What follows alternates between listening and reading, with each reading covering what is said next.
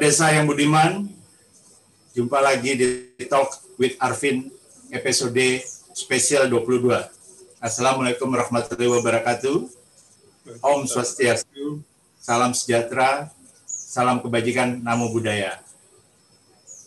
Hari ini hadir tamu-tamu spesial dari uh, berbagai penjuru daerah dengan tema yang juga spesial akan kita sapa terlebih dahulu.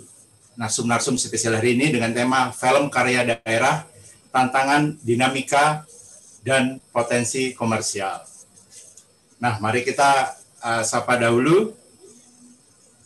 Ada, uh, ada Ibu Selerina Judisari. Beliau adalah seorang sekjen Asosiasi AFI atau Asosiasi Perusahaan Film Indonesia juga seorang CEO Mahaka Pictures dan produser film. Kita memanggilnya Mbak Ayi. Apa kabar Mbak Ayi? Sehat-sehat selalu?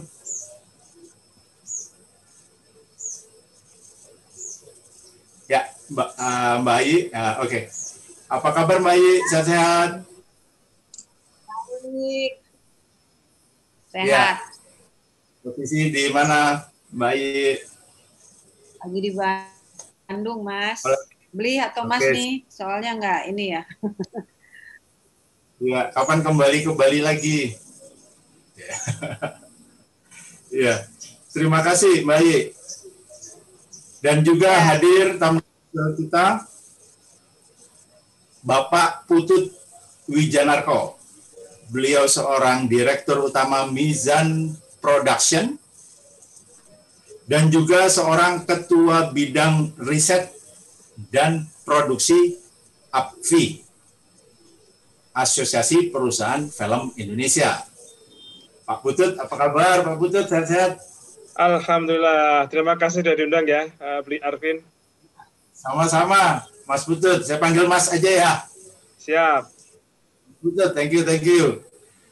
Nah, juga hadir, baru masuk, saya, ini senior saya di Bali ini. Mbak Maria Ekaristi, apa kabar Mbak? Sebelum di itu suaranya masih silent itu. Beliau adalah uh, pendiri Yayasan Bali Gumanti, juga seorang direktur dan pasar dokumenter film festival. Ya, Mbak Maria, mohon maaf uh, masih mute, uh, mohon di unmute. Oke, okay, Mbak Maria. Oke. Okay. Maaf, baru bergabung telat. Siap. Pak sehat-sehat ya. Sehat, salam sehat buat semua ya. Ya, terima kasih sama-sama. Dan juga ada Mas Yudi Suhairi SSN MDS. Pembina Palembang International Film and Tourism Board dan Bandung Film Council. Apa kabar Mas Yudi? Alhamdulillah kabar baik Mas Arvin. Terima kasih sudah diundang di acara Talk with Alvin di TV Desa. Ya, terima kasih. Nah, oh ya di sini saya melihat ada Pak Avandi, saya sapa sekalian. Pak Avandi dari Rumah Film Avandi ya, penyelenggara Smartphone Film Festival. Ya Mas Avandi apa kabar? Sekalian saya sapa. Sehat Mas Arvin. Terima kasih sudah ya. juga. Terima kasih hadir. Terima kasih. Kerabat desa yang budiman, hari ini kita tayang live di tiga satelit. Satelit Nusantara 1, Telkom dan SMV juga live di aplikasi Genflix. Jangan lupa install aplikasi Genflix, bisa menonton di sana. Dan hari ini adalah hari spesial, Hari Ibu. Mari kita ucapkan Hari Ibu dan peluk ibu kita masing-masing di rumah. Sudah. Masing-masing. Terima kasih. juga, Mas. Oh iya. Saya juga mau meluk ini Mbak uh, Eka. Ya udah lama nggak meluk Mbak Eka ini di Bali. Sejak COVID. peluk Ibu Pertiwi, bahwa Ibu Pertiwi itu yang menjaga kita semua. Iya. Ini terakhir kita mau di Bali ini karena COVID. Biasanya puluh-puluhan ini nggak bisa puluh-puluhan lagi ya. ya, mari kita ke uh, Mbak Ayi dulu. Jadi kita dahulukan hari ini uh, yang uh, seorang ibu atau ibu-ibu kita dahulukan spesial karena ini hari ibu. Ya, uh, Mbak Ayi uh, seorang sekjen Yes, Secretary, uh, Secretary, uh, General, ya. Sekretaris Jenderal, Sekjen APFI. Nah, mungkin Mbak Ayi bisa menceritakan dulu ke kerabat desa tentang Asosiasi Perusahaan Film Indonesia. Ya, apa yang dimaksud dengan APFI, sejarahnya, kemudian apa saja yang sudah uh, didorong, uh, kegiatannya, aktivitasnya. Ya, Mas uh, kerabat desa. Ya. Aku agak kurang stabil kayaknya internetku. Uh, ya. Ap, masih bisa kedengaran lancar, Mas? Lancar, lancar. Suaranya lancar. Lancar kok, Mbak. Halo? Iya, kedengaran kok, Mbak.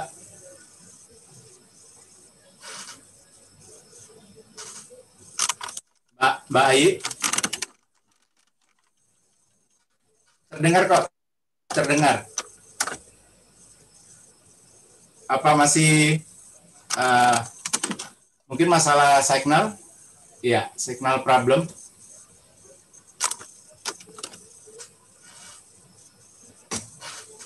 Baik, uh, mungkin terputus ya. Atau uh, kita tayangkan dahulu ya sebuah uh, trailer yang sangat spesial Ya, kebetulan Mbak Ayi ini adalah seorang CEO Mahaka Pictures.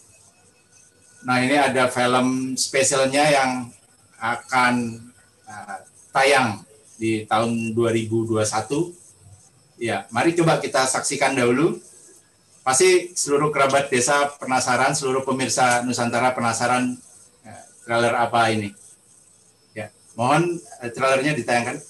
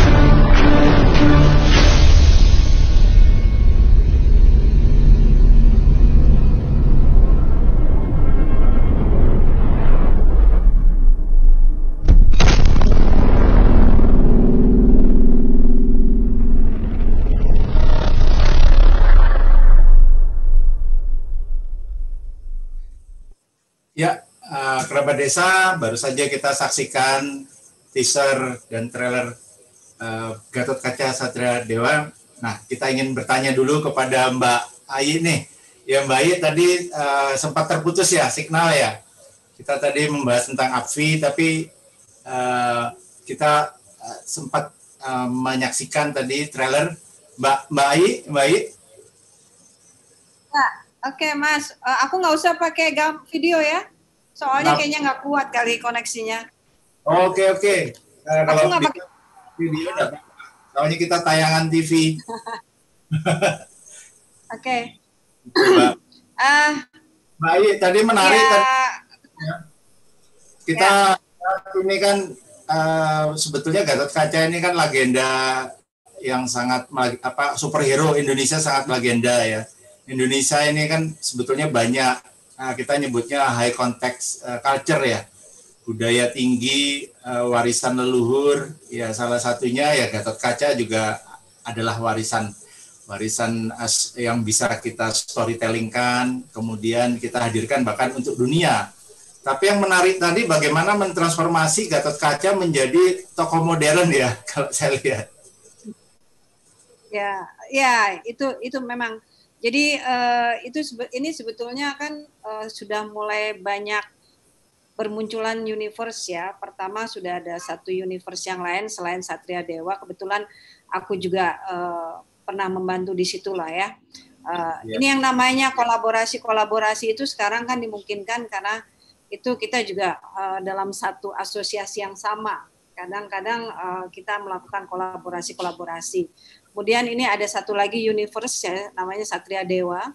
Uh, kebetulan uh, dari tim Satria Dewa sudah pernah melakukan semacam FGD sehingga yang keluar dari cerita rakyat itu kalau Mahabharata yang ditampilkan tokoh siapa sih sebetulnya yang ada di top of mind. Keluarlah nama Gatot Kaca ini. Nah, dari ya. sana kita uh, mulai mencari rumusan kalau kita menerangkan dengan uh, semacam uh, secara tradisional mungkin sudah banyak ya orang tapi kan kita ingin juga menyentuh generasi yang sekarang kalau orang bilang adalah milenial lah uh, generasi ya. Gen uh, X, Y apa segala macam bagaimana hmm. mentransformasikan itu menjadi satu bentuk lain dan uh, keluarlah ya semacam inilah bahwa itu ada semacam gen atau turunan dari uh, sana sehingga okay. apa secara kronologis cerita itu masih bisa uh, engage dengan uh, generasi sekarang. Okay. Karena menurut pengalaman dari TV yang kemarin memang uh, dari film misal seperti Gundala ya uh, itu uh, engagement anak-anak mudanya cukup tinggi ya. Padahal waktu pertama kali kita mau launching si Gundala itu cukup khawatir bisakah generasi yang baru itu juga hmm, relate dengan Gundala? Ternyata eh, itu memungkinkan sehingga kita comes up uh, saya lah masuk ke satu tim yang namanya Satria Dewa ini, kemudian keluar dengan ide mempergunakan gen dari uh, Mahabharata ini menjadi cerita turunan dari uh, apa si Gatot Kaca itu sendiri. Sebetulnya top of mind cerita uh, rakyat yang tadi disampaikan Mbak Ayi uh, banyak ya di seluruh Nusantara yang masih terpendam untuk digali menjadi sebuah film ya. Semestinya. Ya, ya sebetulnya banyak, semestinya banyak cuma ini memang mengarah uh, ke Mahabharata.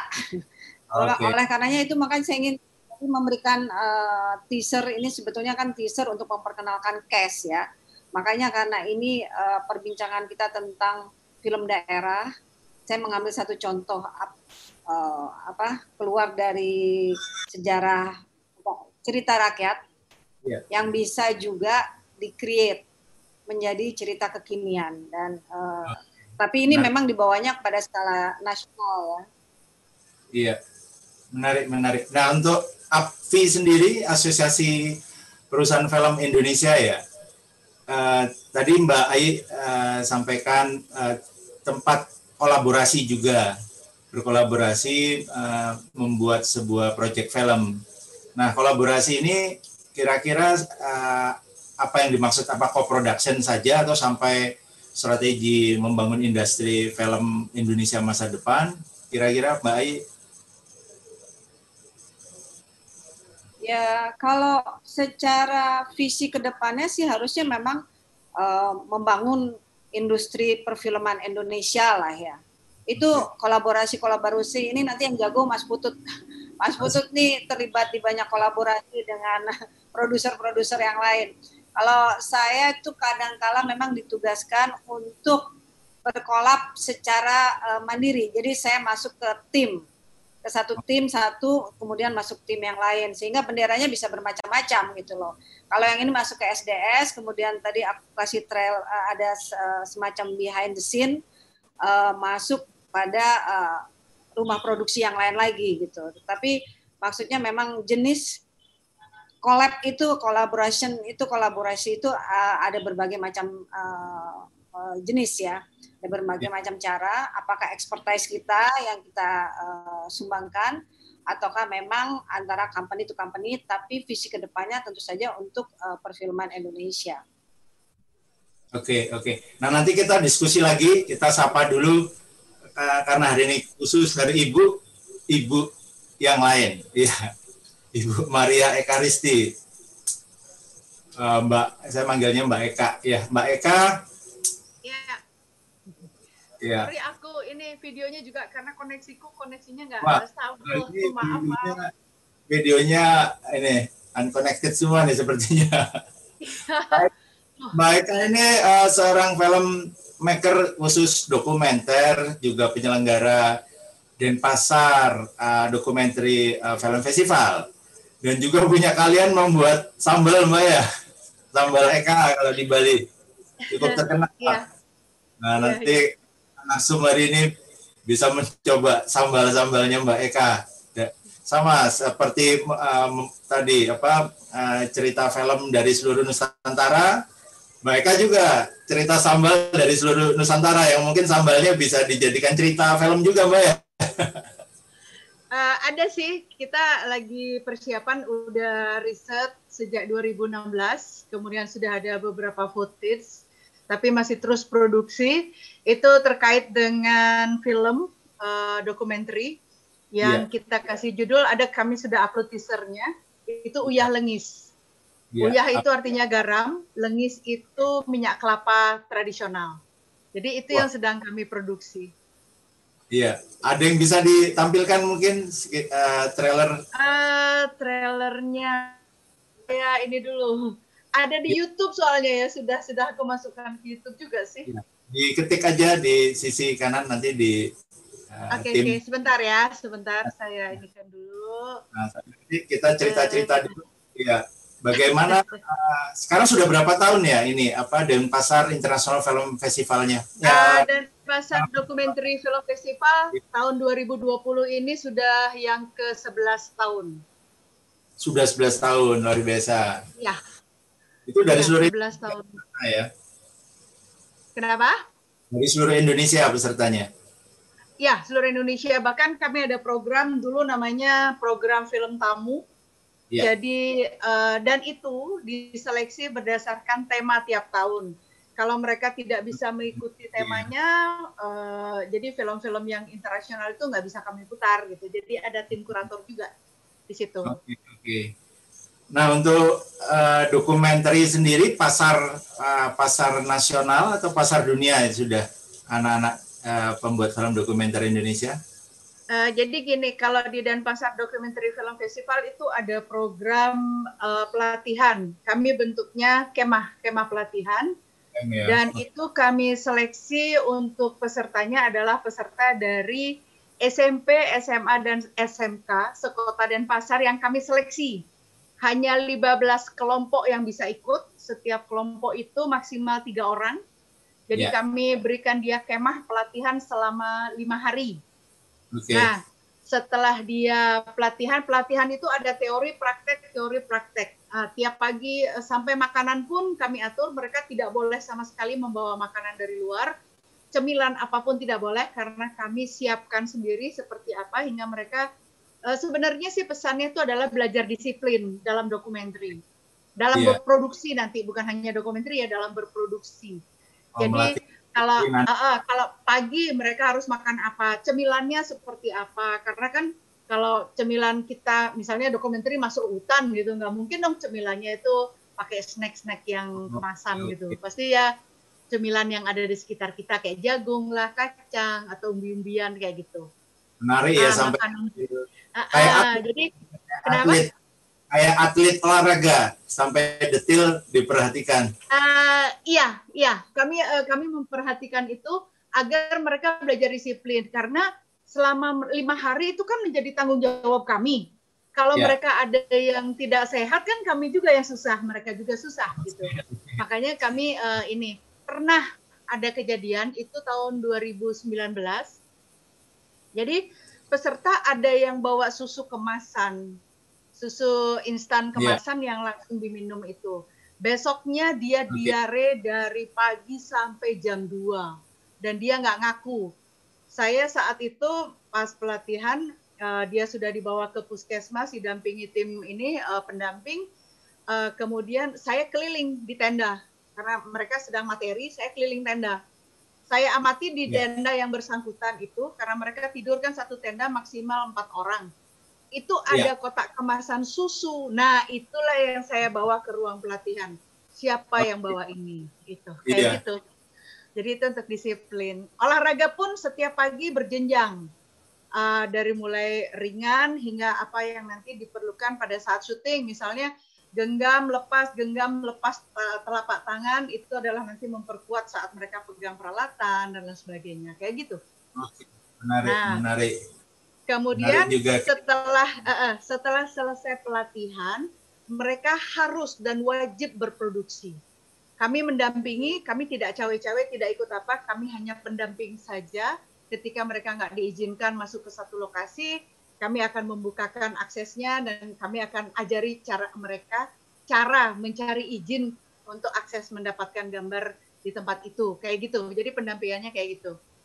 Kemudian ya, jadi, setelah selesai di akhir uh, program mereka uh, filmnya dikompetisikan.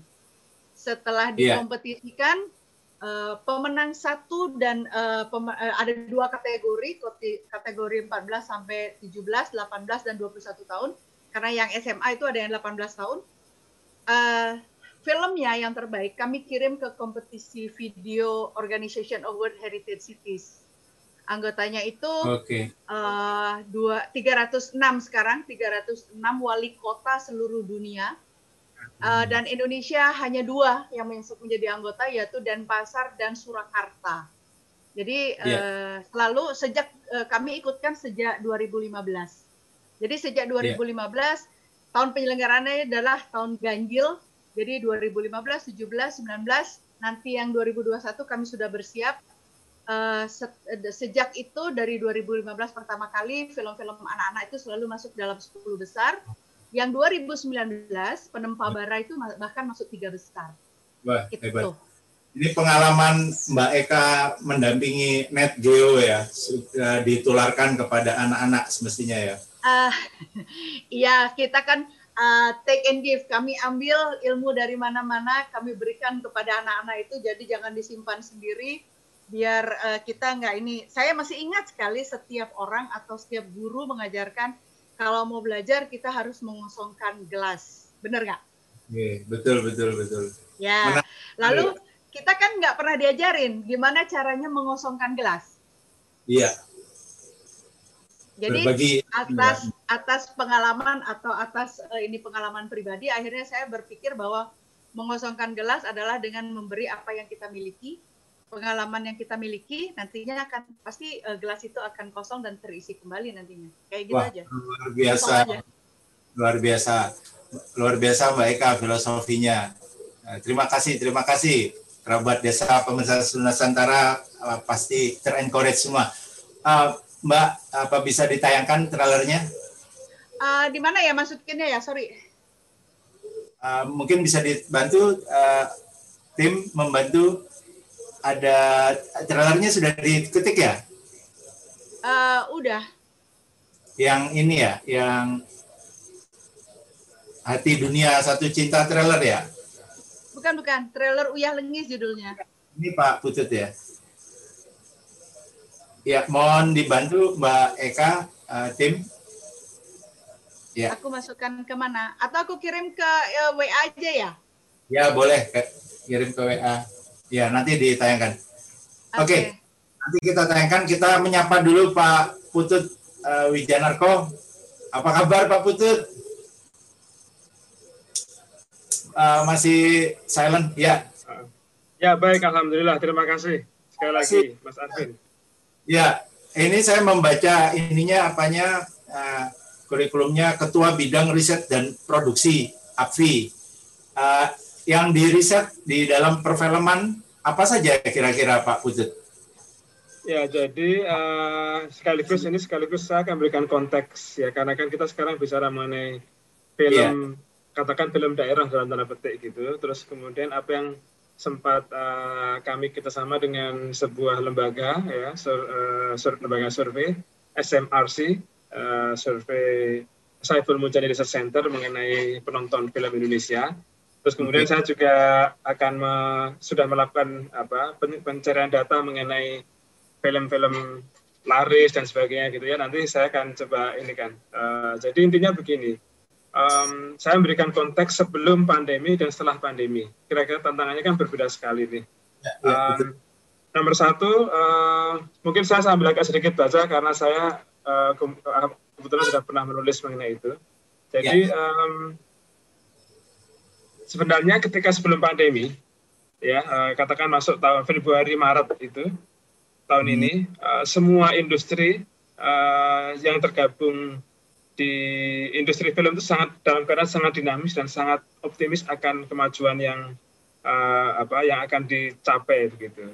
Karena apa? Karena dalam lima tahun terakhir perkembangan film film Indonesia ini menunjukkan perkembangan yang sangat menggembirakan. Ya. Yeah. Uh, satu yang yang pertama adalah mungkin dalam kasus uh, katakan dalam market share gitu. Market share film Indonesia pada tahun 2019 itu terhitung sekitar 35 persen. Jadi Uh, hmm. film asing 360 uh, 66 persen, film film Indonesia 36 hmm. persen. Dan itu sudah naik selama lima tahun berturut-turut naik terus gitu ya.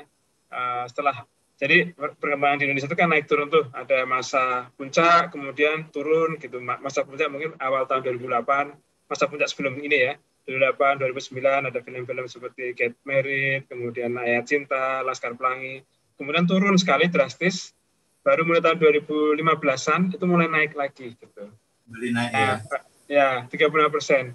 Uh, 36 persen itu bukan hal yang kecil gitu. Meskipun dari segi jumlah lahir kita masih sedikit, tapi proporsi penonton film Indonesia itu sudah 36 persen ya uh, market share kita. Uh, jadi kalau di Asia itu hanya empat negara yang market share-nya itu di atas Indonesia untuk pasar domestik domestik ya. Uh, Cina 62 persen, India 85 persen, Jepang 54, Korea Selatan 52. Uh, Paling India tadi ya Pak? Uh, India 85 persen, nah, luar biasa industrinya eh, film lokalnya gitu ya, uh, melawan Hollywood ya, dan film asing yang lain.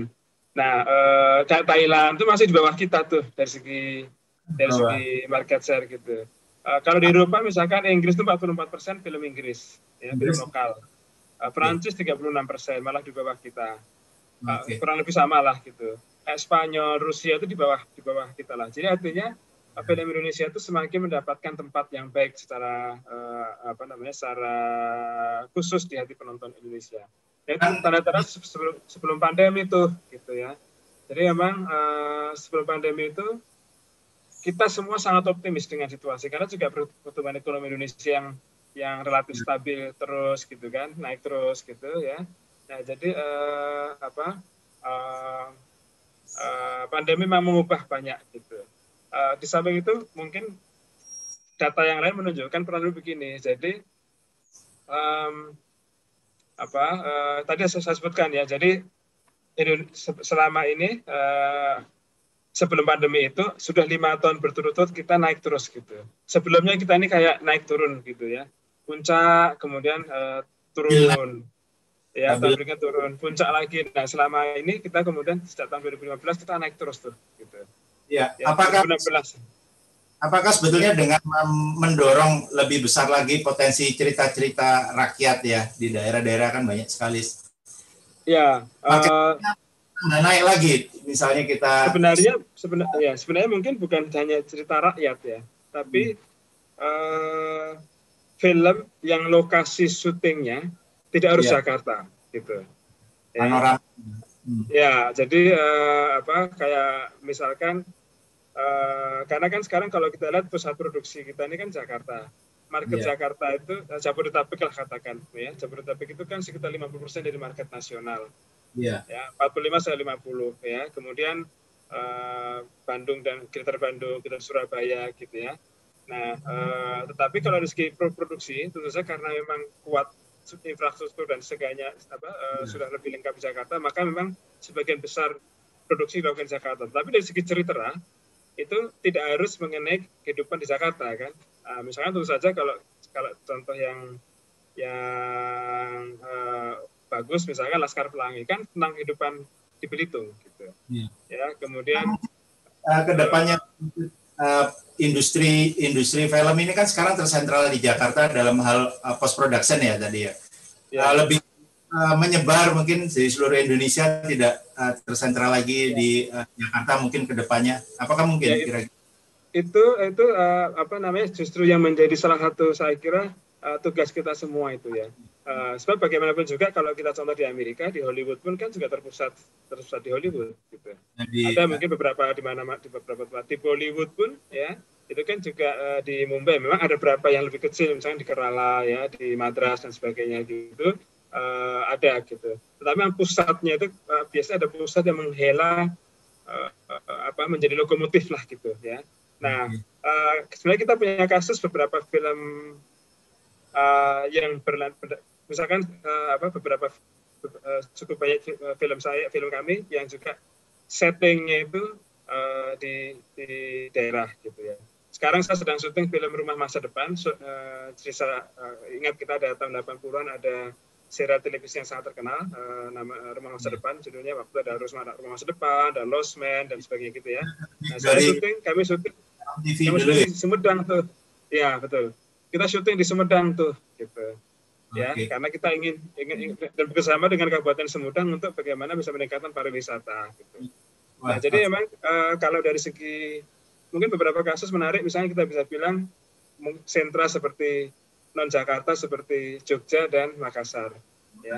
Maka, Makassar itu kan sudah menghasilkan film dengan biaya yang relatif uh, terjangkau oleh produser di sana. Tapi ada beberapa film yang kemudian merangsek ke Jakarta kan seperti misalnya Uang Panai penontonnya hmm. hampir 600 ribu ya eh, di Makassar sendiri diputar sangat lama gitu.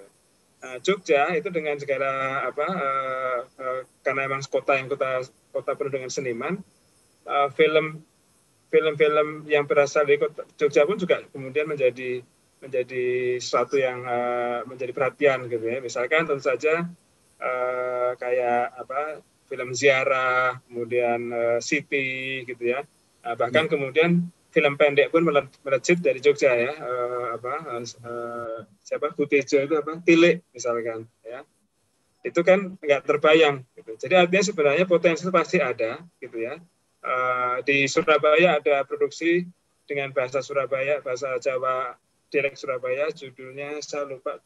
Tapi kisah mengenai uh, seorang keturunan Arab Surabaya yang kemudian jatuh cinta sama uh, apa uh, seorang gadis keturunan uh, Cina misalkan ya. Uh, kemudian uh, kemudian misalkan Pak Pak Pak Paro di Star Vision membuat film berbahasa Jawa Ya Wis Band yang laku sekali juga gitu. Jadi artinya kalau kita mau lihat memang mungkin tidak harus diproduksi di apa uh, apa namanya tapi memang cerita itu kita bisa dapat dari mana pun juga gitu.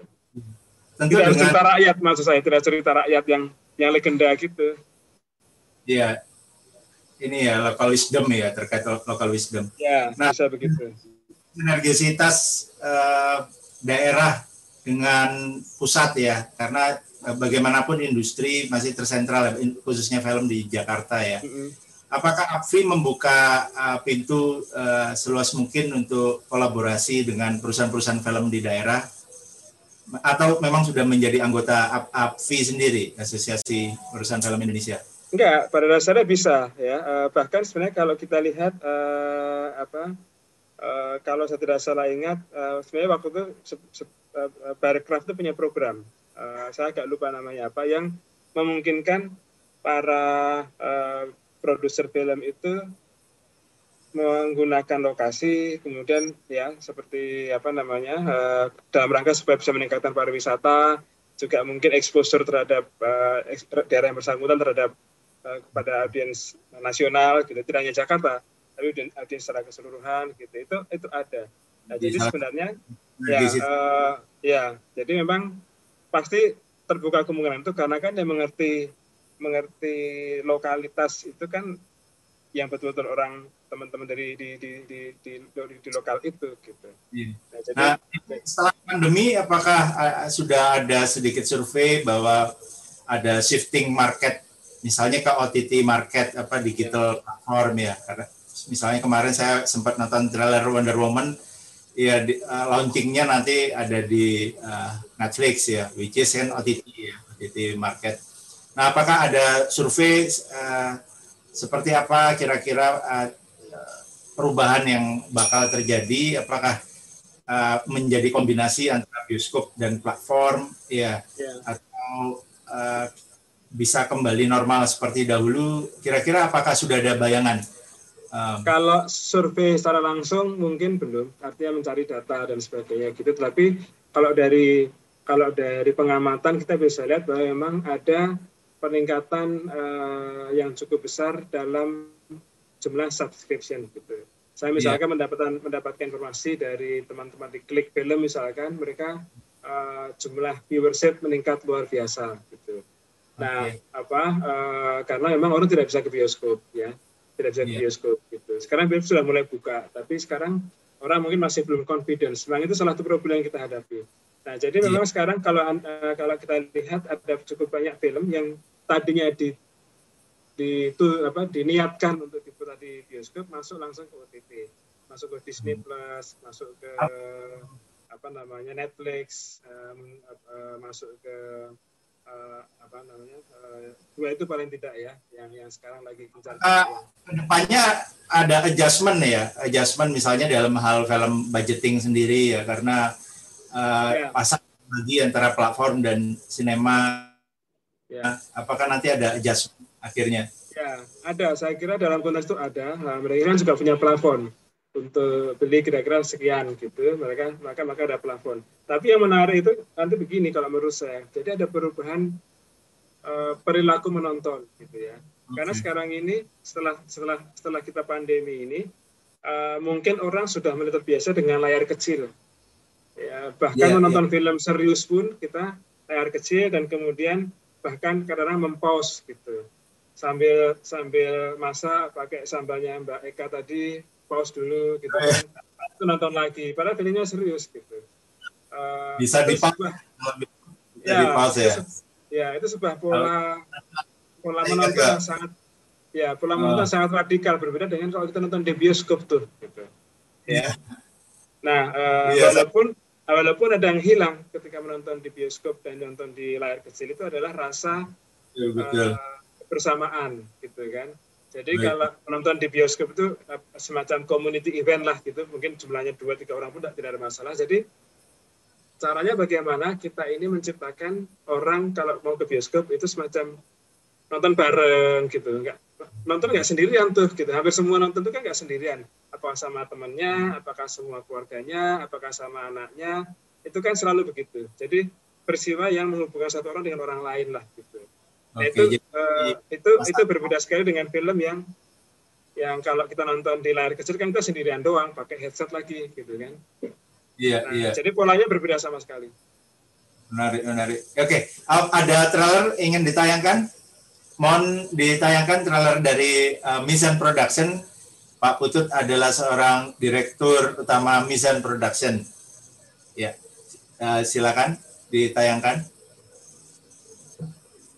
silahkan pilih apa saja. Mungkin, salah satu contoh barangkali tadi disebutkan, saya membuat film, uh, kami membuat film judulnya Mestakung, Semesta Mendukung. Itu mengenai uh, usaha Pak uh, siapa namanya Pak Pak Pak Surya siapa namanya kalau saya tiba-tiba lupa yang membina Olimpiade Fisika itu loh.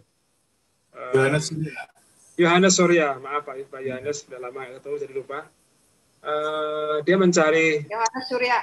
Ya betul yang mencari bakat-bakat lokal. Makanya kita syuting hampir semuanya di Sumeneb. Gitu. Karena oh, memang gitu. ada ada ada contoh, ada ada kasus, ada ada salah satu juara Olimpiade Fisika yang dari Sumeneb. Gitu. Nah, okay. jadi sebenarnya yang uh, yang saya kira perlu kita pikirkan bukan hanya cerita rakyat dalam arti legenda atau apa pun namanya, yang itu memang juga potensial untuk kita kita apa kita angkat menjadi yeah. film cerita, tapi juga film yang berdasarkan lo, ber, ber, berdasarkan lokalitas uh, tertentu yang bisa kita angkat gitu ya. Ceritanya dari dari dari situ gitu. Di Madura mari kita saksikan dulu um, trailer dari Mission Production. Ini saya lihat ada film ambilkan bulan ya? Ya ambilkan bulan itu menarik. Itu film yang uh, berdasarkan film musikal anak-anak uh, memakai lagu-lagu Atemah Pak Ate Mahmud ambilkan oh. bulan, bintang kejora, uh, libur telah tiba dan sebagainya. Dan kita syuting di daerah lereng Gunung Lau, Karanganyar, liburan gitu. Ya, uh, sehingga Mas Putut, sorry, Mas Putut, aku jadi inget lagu ambilkan bulan bu. Ya. Ingat apa Mbak? Ingat aku dulu SD kan paduan suara dengan lagu nah, keren banget. Iya. Iya. Nah itu kami kami buat filmnya itu. Nah, ini uh, film mari uh, pemirsa kerabat desa TV desa kita saksikan trailer film ambilkan bulan ya silakan suaranya mohon maaf sharingnya belum pakai suara tadi kayaknya mungkin Oke,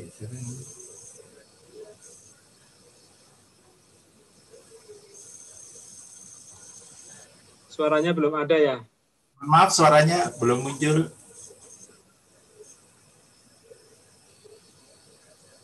Ketika sharing biasanya di bawah ada share with audio. Nah, ada. Uh, I wanna see a butterfly in my village. Mengisi liburan keluarga. Karya Iva Isfansyah.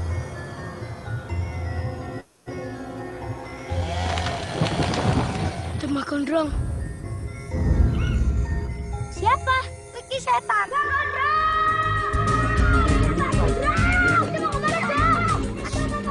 lagu-lagu legendaris karya Ate Mahmud.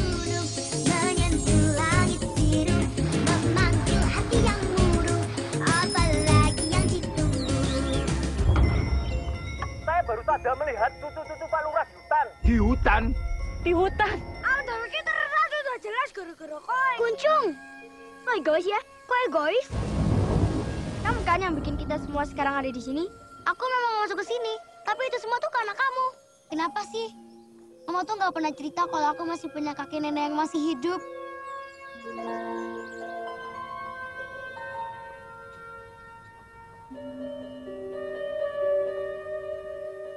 Sebuah film fantasi musikal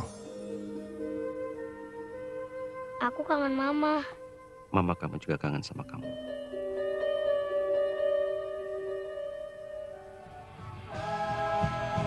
Dan penampilan khusus Sila on Seven.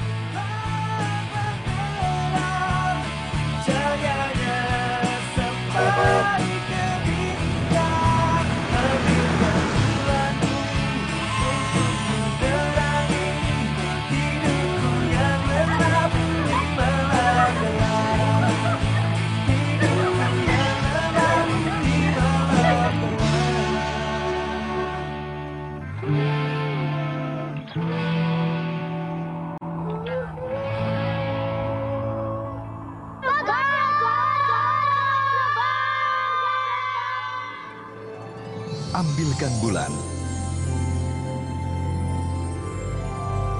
Mulai 28 Juni 2012.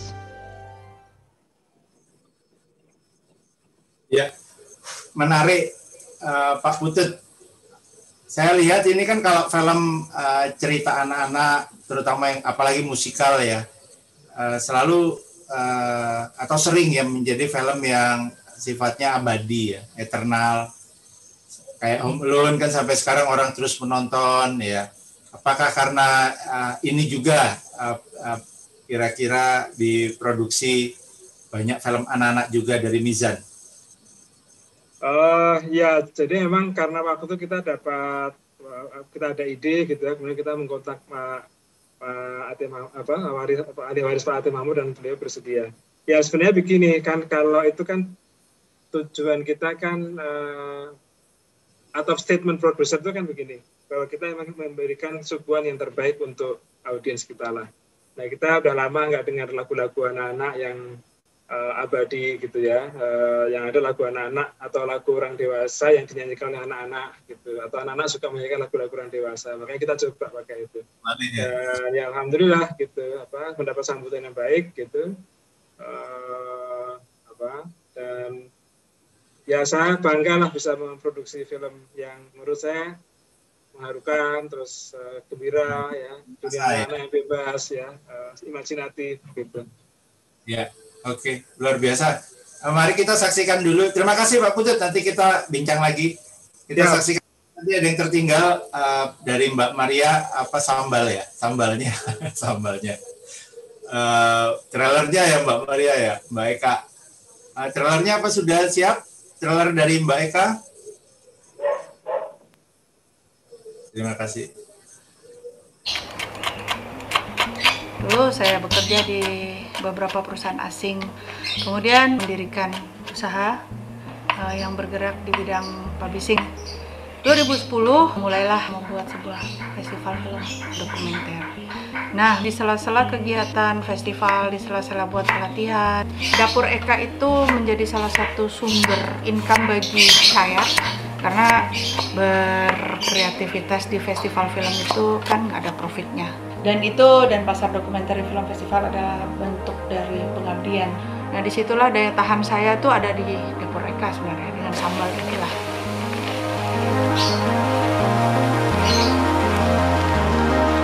untuk menyajikan sambal khas Bali di dapur Eka saya melakukan riset yang cukup mendalam dari riset tersebut saya temukan bahwa komposisi dasar dari semua sambal di Bali adalah uyah atau garam dan lengis atau minyak kelapa. Menurut beberapa tafsir, uyah lengis, garam dan minyak adalah pertemuan laut dan meja makan.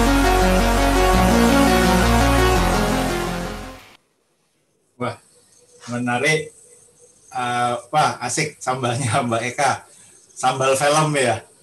Sambal film. Kita ini tanggapan dari teman-teman narsum dulu Mbak Eka. Uh, ya Mbak uh, Ayi, ya Mbak Ayi, bagaimana Mbak Ayi tanggapan tentang sambal dan uh, mengkombinasikan sambal dan uh, festival film dokumenter di dalam satu trailer? Eh menarik banget. uh, jadi pengen itu itu luar biasa sih ya Mbak, uh, openingnya keren deh, keren tuh. Uh, akhirnya masuk ke, ke cerita ya tentang sambalnya. Tapi itu iya. pengalaman diri sendiri. Itu inspiring Mbak. Uh, sayang aku udah pulang dari Bali. Kalau enggak kemarin aku cobain tuh sama Mas Arvin nggak bilang. Iya. aku bisa kirim kok Mbak. Aku bisa iya. kirim. Nah, Oke. Okay, okay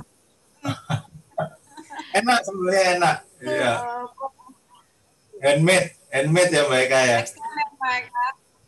Iya. Uh, Mbak, sorry, aku uh, ini sedikit ya. Sebenarnya uh, film yang sedang kami produksi ini, uh, aku sedikit ini uh, sebenarnya nggak uh, serak ya.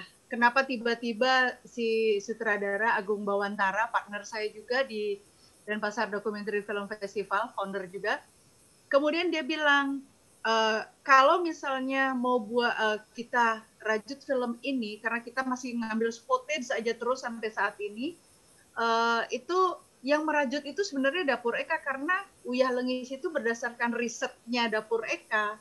Kemudian uh, saya temukan di dalam perjalanan itu bahwa Uyah Lengis itu adalah ritual di Bali, ritual nyegar gunung namanya. Nyegar gunung itu adalah ritual pemurnian air, uh, ritual yang dijalankan hampir di setiap upacara besar di Bali, bahwa Nyegara gunung itu, nyegara itu garam, gunung itu minyak. Uh, perusa dan pradana. Jadi laut itu adalah feminin, gunung itu adalah maskulin. Jadi pertemuan laki dan perempuan, uh, nyegara yeah. gunung itu kemudian uh, saya terjemahkan uyah lengis itu adalah nyegara gunung atau ritual yang paling kecil yang ada di lingkungan kita yaitu di meja makan. Itu sih okay. ininya sebenarnya. Jadi dengan film jualan sambal intinya ya, Pak Eka. Uh, enggak, Atau... enggak. Jadi uh, jual, uh, sambal sambal itu adalah impact-nya. Jadi sebenarnya pesannya pesannya adalah ayo jaga ritual atau budaya Bali ya, yang agraris, agraris dan nelayan itu, bahari itu. Itu sebenarnya oh. karena uh, Nyegara Gunung itu adalah penyucian air dari gunung ke laut jadi ya. uh, bagaimana aliran air dari gunung tetap bersih sampai ke laut. Nah, itu jadi tantangan kita semua di Bali yang begitu mengagungkan Trihita Karana. Itu tantangan banget. Itu itu sindiran sebenarnya. Bagi kami itu menyindir diri kami sendiri di Bali. Ya, tentu ini sangat menarik ya menjadi konten atau konteks dari sebuah uh, uh, sinema ya. Misalnya dibuat hmm. sinema di Bali oleh Mbak Ayi atau Pak Putut, Mas Yudi ya. Pesan iya, saya masih membuka kesempatan nih kalau ada yang mau kolaborasi dengan saya, misalnya ada seperti apa tuh. Kalau di Western, Western itu kan terkenal dengan salt and pepper. Coba hmm. deh, setiap makanan Western itu salt and pepper. Kalau di Bali, dasarnya adalah uyah lengis, garam dan minyak kelapa. Saya nggak tahu kalau di Jawa apa. Saya saya nggak begitu ini kalau di Jawa jadi uh, menjadi sebuah storytelling juga ya untuk ini untuk ya produk sambelnya sendiri. Coba saya ingin tanya Mas Yudi, Mas Yudi bagaimana melihat uh, produk sambel Mbak Eka ya, kemudian visual uh, kreasi visual Mbak Eka sendiri ya Mas Yudi. Nah Mas Yudi ini uh, kerabat desa pemirsa TV uh, dari Bandung Film Council juga Palembang uh, International Film and Tourism Board. Kalau di Palembang sendiri kan pempek ya terkenal dengan pempeknya. Iya. Ya Mas Yudi. Ya, uh, saya pikir oh ya saya menyapa dulu nih uh, Mbak Selerina, Pak Putut dan uh, Mbak Maria Eka Risti. Salam kenal ya Mbak eh. Salam ya, kenal makasih. dari Palembang. Salam kenal juga Mas Yudi. Ya. Uh, aku pikir sih tadi melihat uh, filmnya Mbak Eka itu sangat menarik ya. Uh, iya, apa uh, menginspirasi juga sih bagaimana karena kan kita kalau kita lihat Indonesia ini kan sangat kaya ya, potensi-potensi daerah itu sangat kaya sih. Aku yeah. pikir kita nggak akan nggak akan kehabisan ide ataupun konsepnya buat bikin film gitu kan ya. Yeah. Iya. Uh, tadi mungkin uh, seperti dibilang sama Pak Putut juga kan uh, apa istilahnya uh, banyak film dengan tema ataupun cerita lokal uh, bisa sangat ya bisa laku ya di, di apa uh, di di pasar gitu. Nah, saya pikir uh, mungkin di sini juga di Palembang mungkin sama ya kayak sama mungkin dengan sama kayak di Bali kan karena kita juga di sini uh, punya potensi ya mungkin kita nggak punya potensi alam ya. Uh, tapi di sini ada potensi sejarah budaya dan juga uh, yang sangat dominan itu adalah sungai. Di sini kan ada sungai gitu kan. Mungkin ya. Mas Arvin udah tahu ya sungai Sungai Musi gitu ya. Dan uh, di apa di sepanjang Sungai Musi ini ini banyak sekali yang bisa digali gitu kan yang atau bisa kita angkat untuk menjadi sebuah cerita buat film ya. Di situ ada juga kuliner yang kalau kalau kalau kalau mungkin Mbak atau uh, teman-teman ke Palembang nih bisa dilihat nanti di sepanjang Sungai Musi itu tepatnya kalau mungkin di apa di di dekat jembatan Ampera itu atau di BKB Benteng Kota Besar itu itu banyak sekali apa perahu-perahu rumah makan gitu kan. Jadi kayak di situ ada jual pindang ada jual pempek ada jual macam-macam. Intinya makanan khas tradisional Palembang ada di sepanjang pinggir sungai itu ada. Terus di situ juga ada pasar 16 ilir dan itu juga aktivitas uh, masyarakat dari ulu atau dari dari apa dari pedalaman itu mereka uh, membeli uh, kebutuhan pokok mereka sehari-hari itu ke Palembang melalui perahu gitu. Jadi uh, aktivitas itu pun ya mungkin menarik sekali sih. Belum lagi orang-orang uh, yang tinggal di rumah rumah rakit atau rumah rumah rumah rumah uh, ya rumah rumah terapung gitu kan itu sangat menarik sekali untuk untuk untuk diangkat. Belum lagi itu dari sungai, belum lagi mungkin di di sisi apa ya uh, uh, darat mungkin juga ada ada sangat banyak sekali sih potensi-potensi yang yang bisa di apa diangkat. Kalau misal ini uh, konteksnya saya ngomong soal di di di Palembang gitu kan.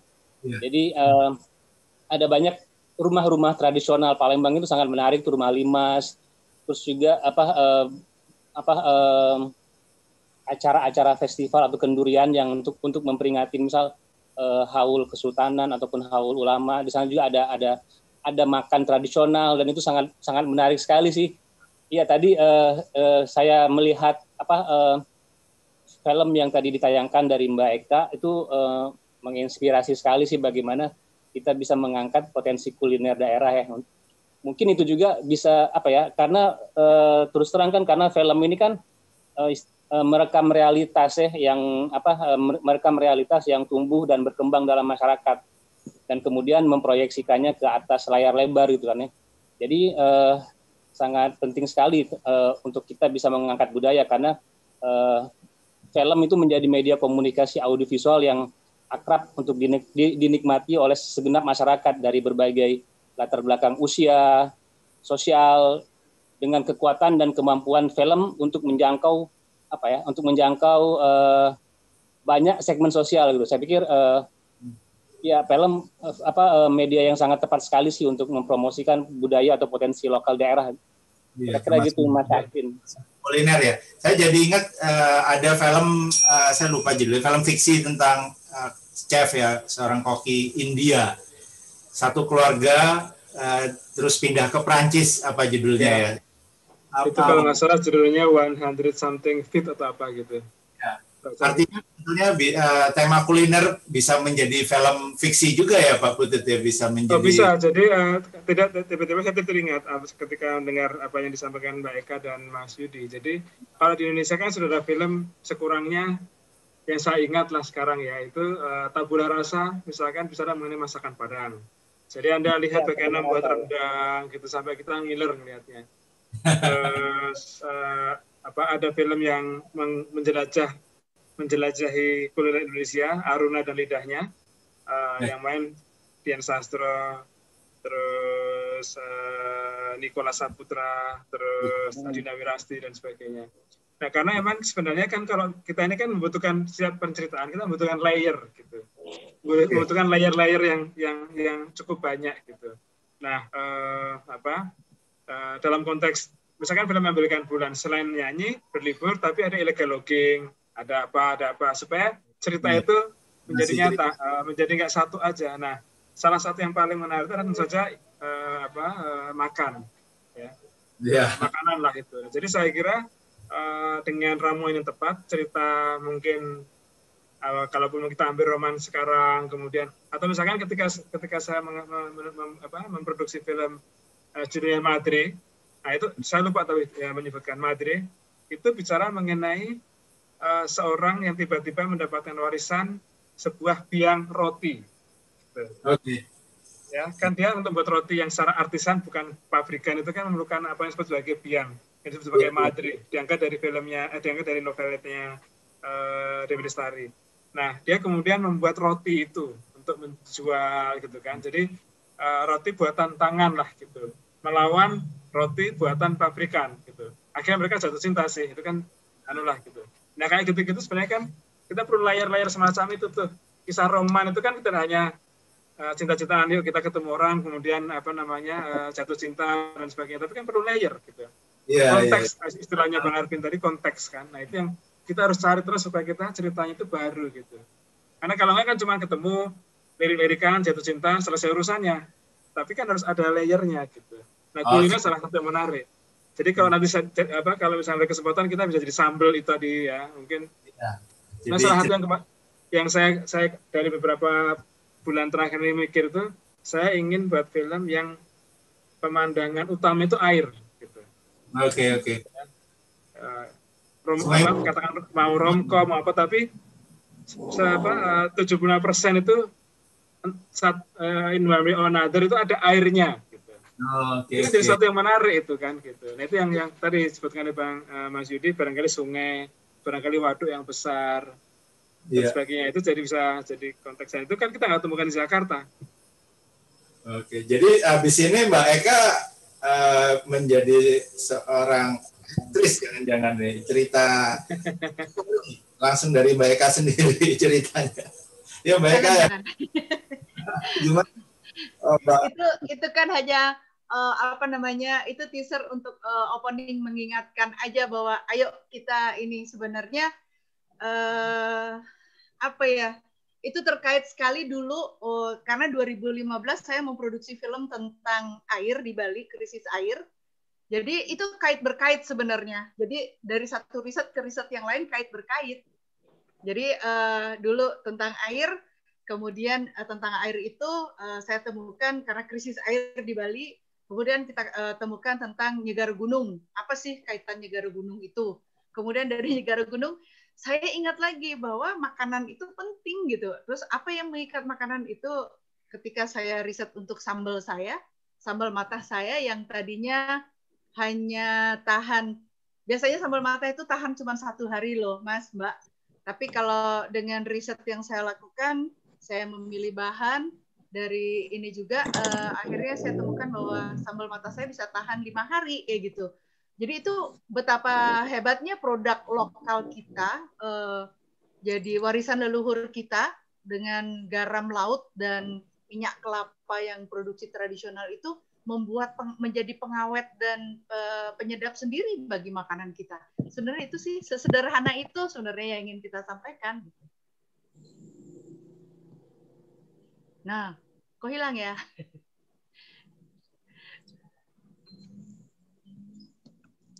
Halo? Iya Mbak Maria, masih kedengeran? Masih ya? Oke. Okay. Iya.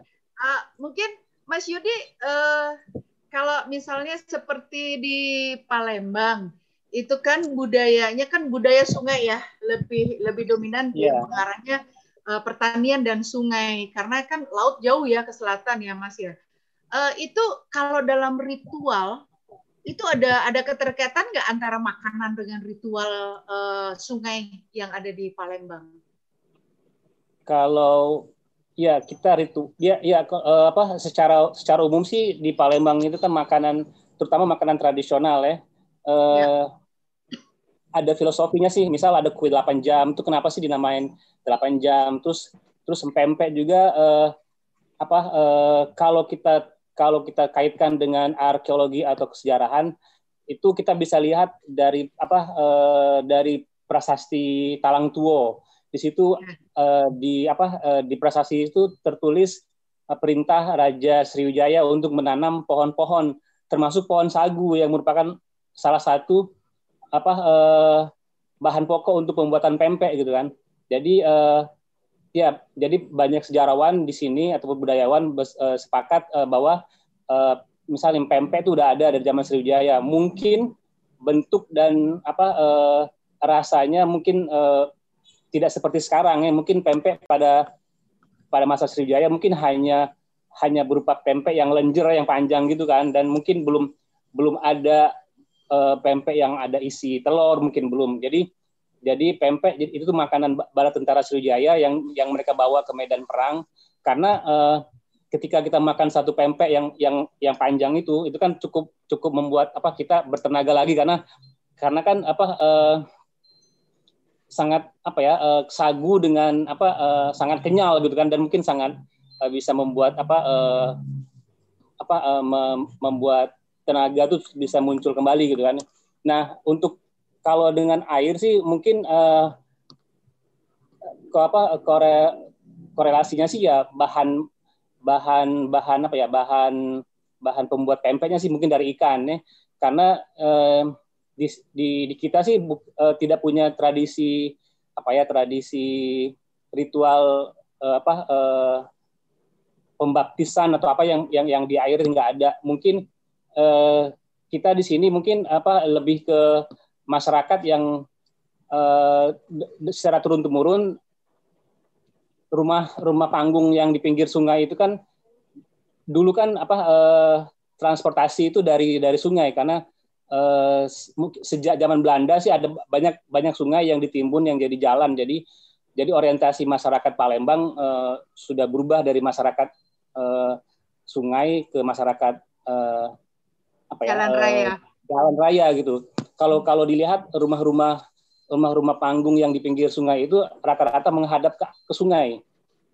Jadi uh, bagian belakang itu sekarang apa bagian belakangnya itu di, di jalan. Jadi eh, jadi kalau dulu itu nggak ada orang yang membuang sampah di sungai karena sungai itu bagian bagian muka dari dari dari rumah gitu.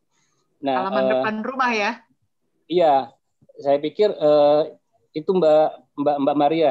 Tapi eh, ritual ritual dalam hal apa eh, makan ada banyak di sini. Misal ketika kita dalam apa ya kenduri misal nih nikahan. Nikahan juga kalau kita mengikuti tradisi Palembang itu uh, banyak sekali banyak banyak banyak sekali apa tradisinya gitu. Jadi kalau di kalau di hari perayaan itu ada ada ada makan nasi minyak dan itu hanya untuk laki-laki. Kemudian di hari besoknya uh, perempuan itu ada namanya hidangan hidangan kambang gitu. Jadi memang khusus uh, untuk ibu-ibu. Dan itu uh, penyajiannya uh, di apa eh, ditaruh di lantai. Jadi kita dipasang dipasang apa semacam kayak spray panjang gitu kan. Kemudian semua hidangan itu ditaruh. Kemudian di tengahnya nanti ada beberapa orang yang mungkin eh, kalau di sini disebut ngobeng gitu kan jadi dia apa eh, untuk untuk untuk untuk ngasih air minum untuk untuk mencucikan tangan orang-orang yang yang makan gitu jadi ada di tengah-tengah jadi eh, ada banyak sih banyak banyak apa banyak ritual kalau di tradisi makan kalau di sini gitu. Iya, wah sih iya. juga. Nih kita kita membajak nih Mati. tadi Mas Arvin hilang. Iya, enggak apa-apa. Uh, host juga kan uh, Mbak Eka host juga. Jadi, Jadi menarik ya. Menarik. Mungkin bisa uh, bisa kolaborasi nanti Pak potensi apa, daerah. Mbak Maria, saya pikir menarik sekali sih kita mencoba apa uh, mensinergikan budaya di beberapa daerah misalnya ya, mungkin bisa buat cerita film ya. Iya nanti iya. nanti kita minta Jadi tolong sebetulnya kita enggak hanya kuliner ya. eh. Jadi tidak hanya kuliner, mungkin tarian-tarian seluruh Nusantara ya, musik, semuanya bisa iya. menjadi uh, kekayaan cerita ya, sebetulnya ya. Ya, Mbak, uh, Ya termasuk tadi uh, film Gatot Kaca itu kan juga uh, akar ceritanya dari cerita rakyat ya. Mbak Ayi apa masih di sini? Sorry tadi saya signal problem, jadi harus diganti dulu sama uh, Mbak Eka hostnya. Ini masih signal problem. Ya, uh, kembali ke Mbak Ayi.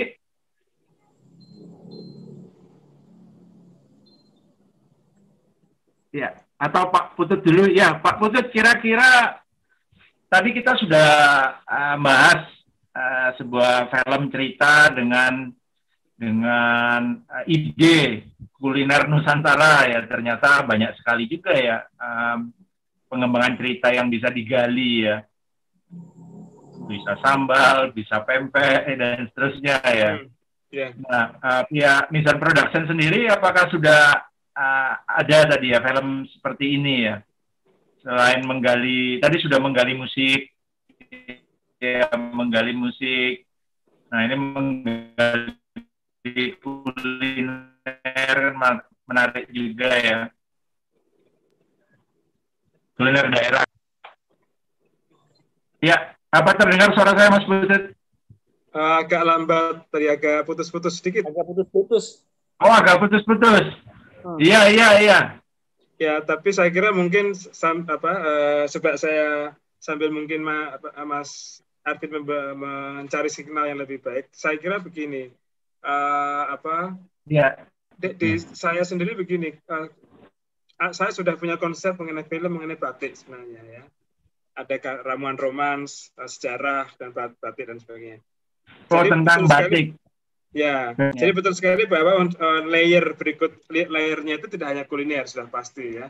Kalau kita lihat sekarang misalkan begini, uh, apa uh, silat misalkan ya. Iya. Silat itu kan kalau silat Minang kan di sangat sangat kental di film Merantau yang kemudian menjadi The Raid dan seterusnya gitu. Jadi sekarang orang tahu orang dunia uh, karena begitu banyak sekali orang yang suka The Raid dan satu dua ya, sehingga orang tahu bahwa uh, ada ada martial art, martial art di Indonesia yang namanya silat gitu. Ya, uh, jadi uh, orang seperti Iko Uwais, uh, kemudian yang tadi main di filmnya Mbak Ayi, Yayan Ruhian itu bisa memperkenalkan style tidak kungfu tapi silat gitu. Jadi itu kan sudah satu hal yang yang apa uh, yang menarik gitu. Uh, bahwa kita bisa perkenalkan silat ke dunia dengan film gitu. Ya, jadi layarnya banyak lah hal-hal yang itu, itu karena memang salah satu yang pernah saya uh, kita tulis kita, ada kesepakatan industri kita ini sekarang susah mencari cerita yang bagus gitu. Okay. Penulis skenario yang penulis skenario itu susah gitu. Karena uh, untuk menulis cerita yang bagus memerlukan riset yang baik gitu. Memerlukan yeah. konteks yang banyak memerlukan nuansa memerlukan subtlety gitu. Nah itu kan uh, didapat dari yang tadi disebut sebagai layar-layar tadi itu bukannya ceritanya mengenai percintaan aja tapi di atas itu ada apa? Ada mengenai kuliner kah sejarah kah budaya kah gitu ya dan seterusnya gitu. Nah jadi uh, apa uh, kita ini mendambakan kita saya ingin mengatakan kita ini sebagai uh, produser ya uh, mendambakan cerita yang yang unik gitu ya. Oke okay, oke. Okay. Kita semua kan sama percintaan paling ya orang datang ketemu ketemu jatuh cinta ketemu orang pertama jatuh cinta ada masalah kemudian mungkin dia putus dan mungkin terjadi itu kan sudah semua kan begitu. Tapi bagaimana itu berkembang layernya apa itu yang jadi menarik.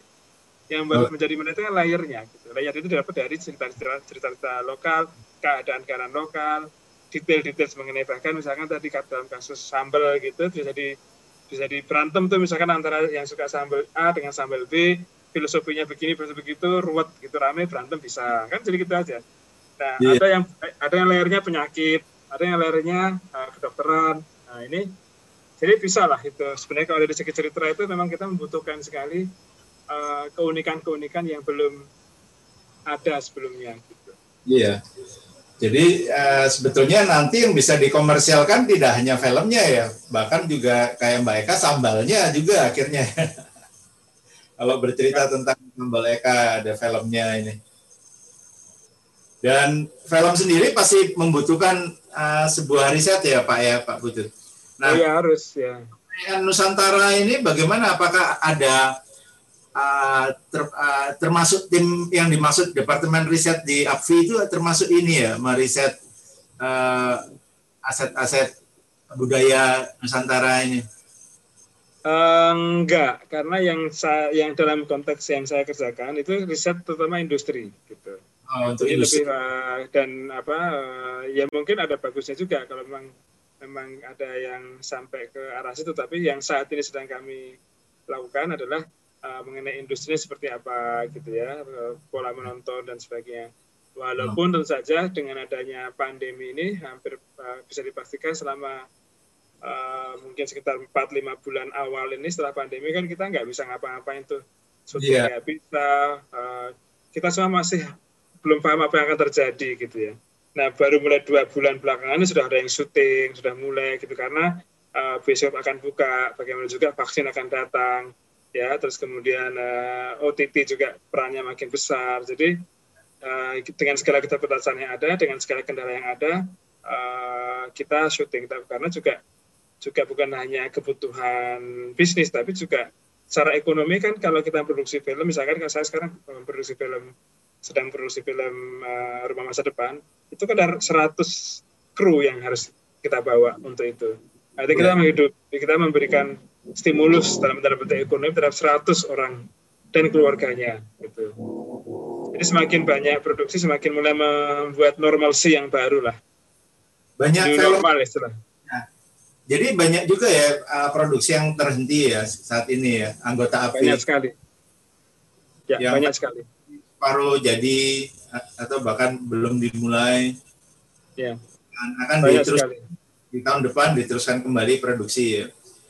Ya, sambil wait and see gitu. Kira-kira ini, ini seperti kalau yang filmnya Mbak Ayi tadi yang uh, Satria Dewa tadi sudah pasti big budget, sudah pasti. Ya. ya uh, jadi uh, makin berisiko gitu. Nah, kok saya yakin teman-teman di tim produser sudah mencari cara supaya uh, apa namanya ris, uh, risiko itu dihadapi karena setelah dianalisis dan dimitigasi kemungkinan-kemungkinan terburuknya kan gitu.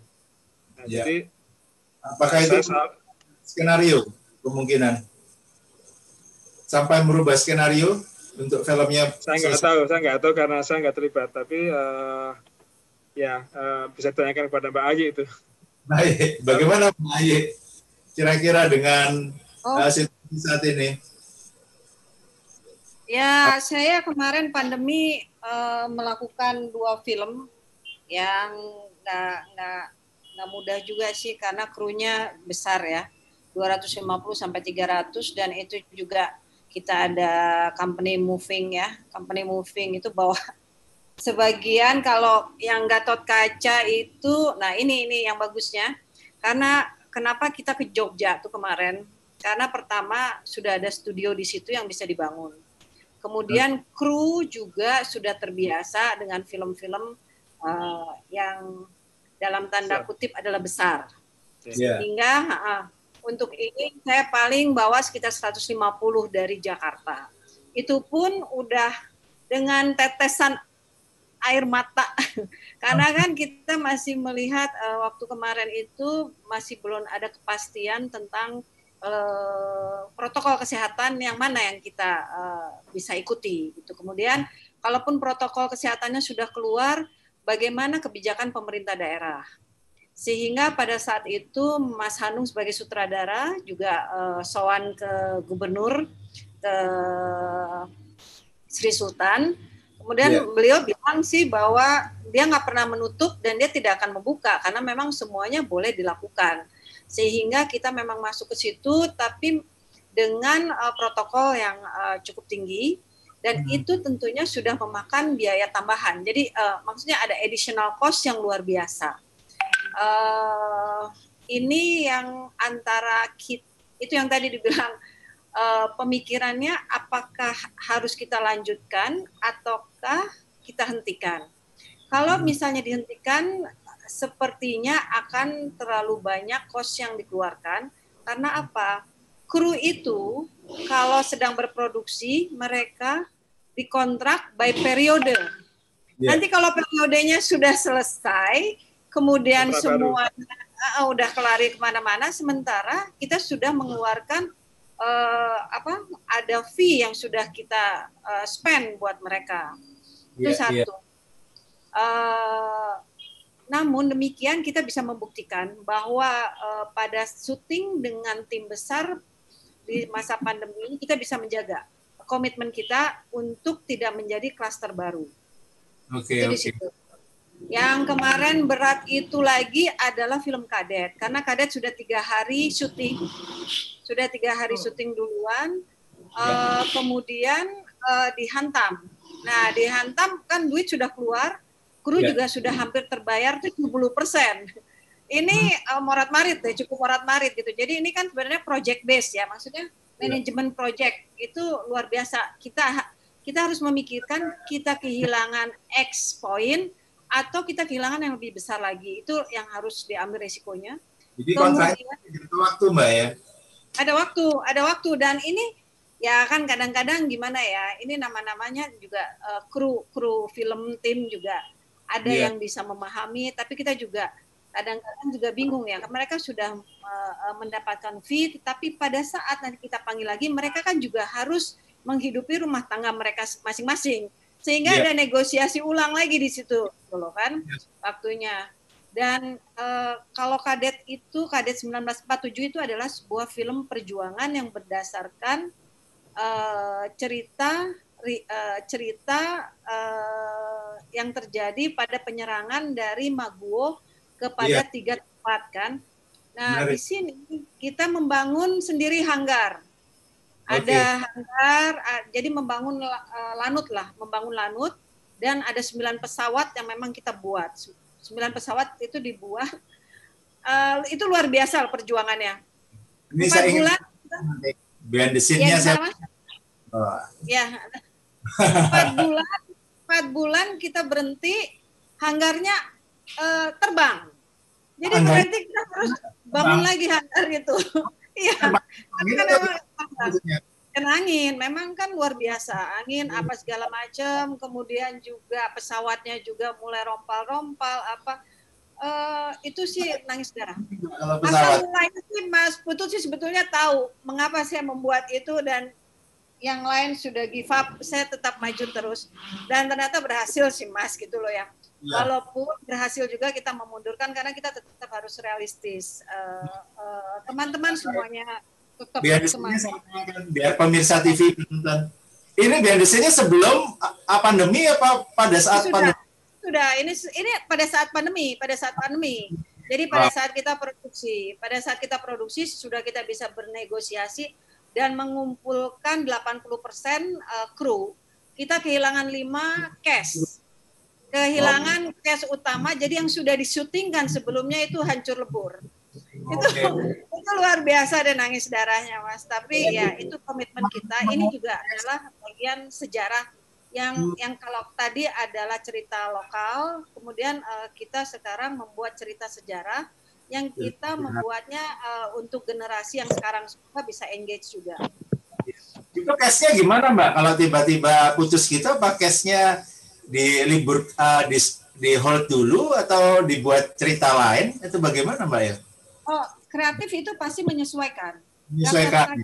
dan juga yang ini juga kita sesuaikan. Jadi kita tuh punya berbagai macam tipe skenario. Yeah. A, B, D gitu ya.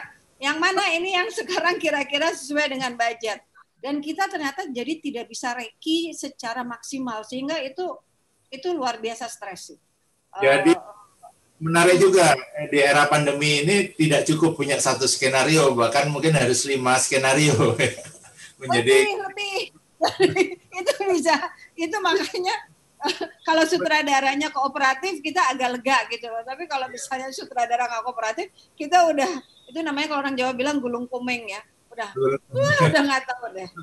Dan iya. terbayangkan yeah. dua film saya jalaninnya paralel. Itu yeah. bisa nggak tahu.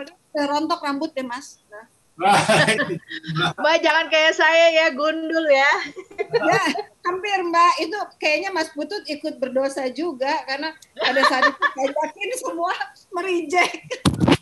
Kita uh, saksikan dulu behind the scene. Uh, ya, perjuangan uh, saya. Mohon ditayangkan behind the scene ya dari uh, Mbak Ayi pasti semua uh, penasaran uh, penonton penasaran termasuk kita di sini.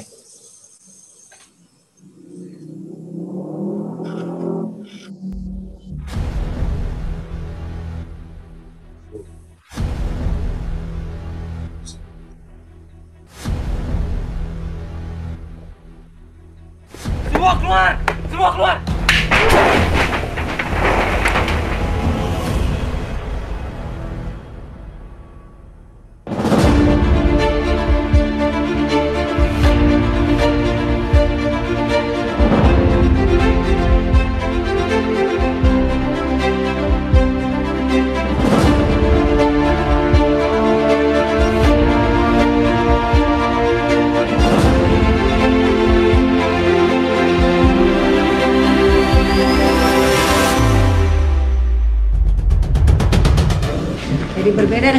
Film-film yang lain, tapi ini memang adalah sumbangsi dari kita semua untuk negara.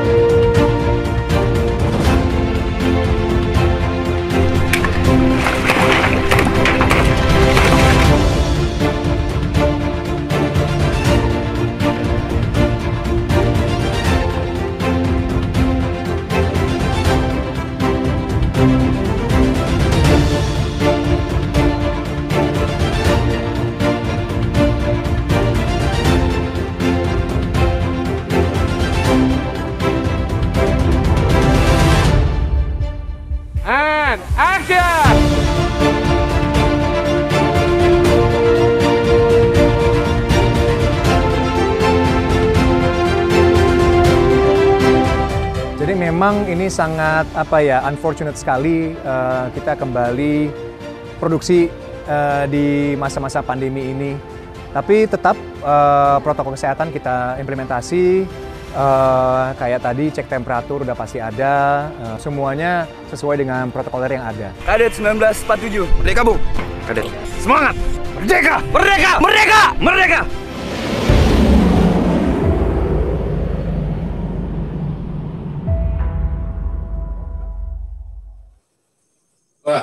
Luar biasa, luar biasa. Baik, luar biasa.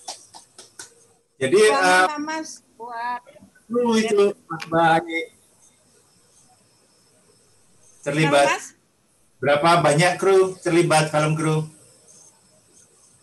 Itu sekitar 300 ya. Uh, karena kita memang dikejar waktu, jadi uh, kita uh, lebih banyak kru dan karena juga tempatnya luas. Itu kan jadi semacam kayak studio alam akhirnya kita bikin ya. Iya. Uh, dan peralatannya juga heavy sekali itu. Aku sampai mikir ini kok ada semua ada tuh uh, tadano apa apa segala macam ya. Karena memang mengejar supaya kelihatan kalau kayak ada bulan ya dia kayak bulan, tapi kan luas sekali uh, apa se, se, selapangan itu tuh uh, uh, untuk bisa mengcover semuanya di, saya rasa belum ada ya film di Indonesia tentang perang uh, di udara ya. It, itu sampai scene perang di udara juga ada.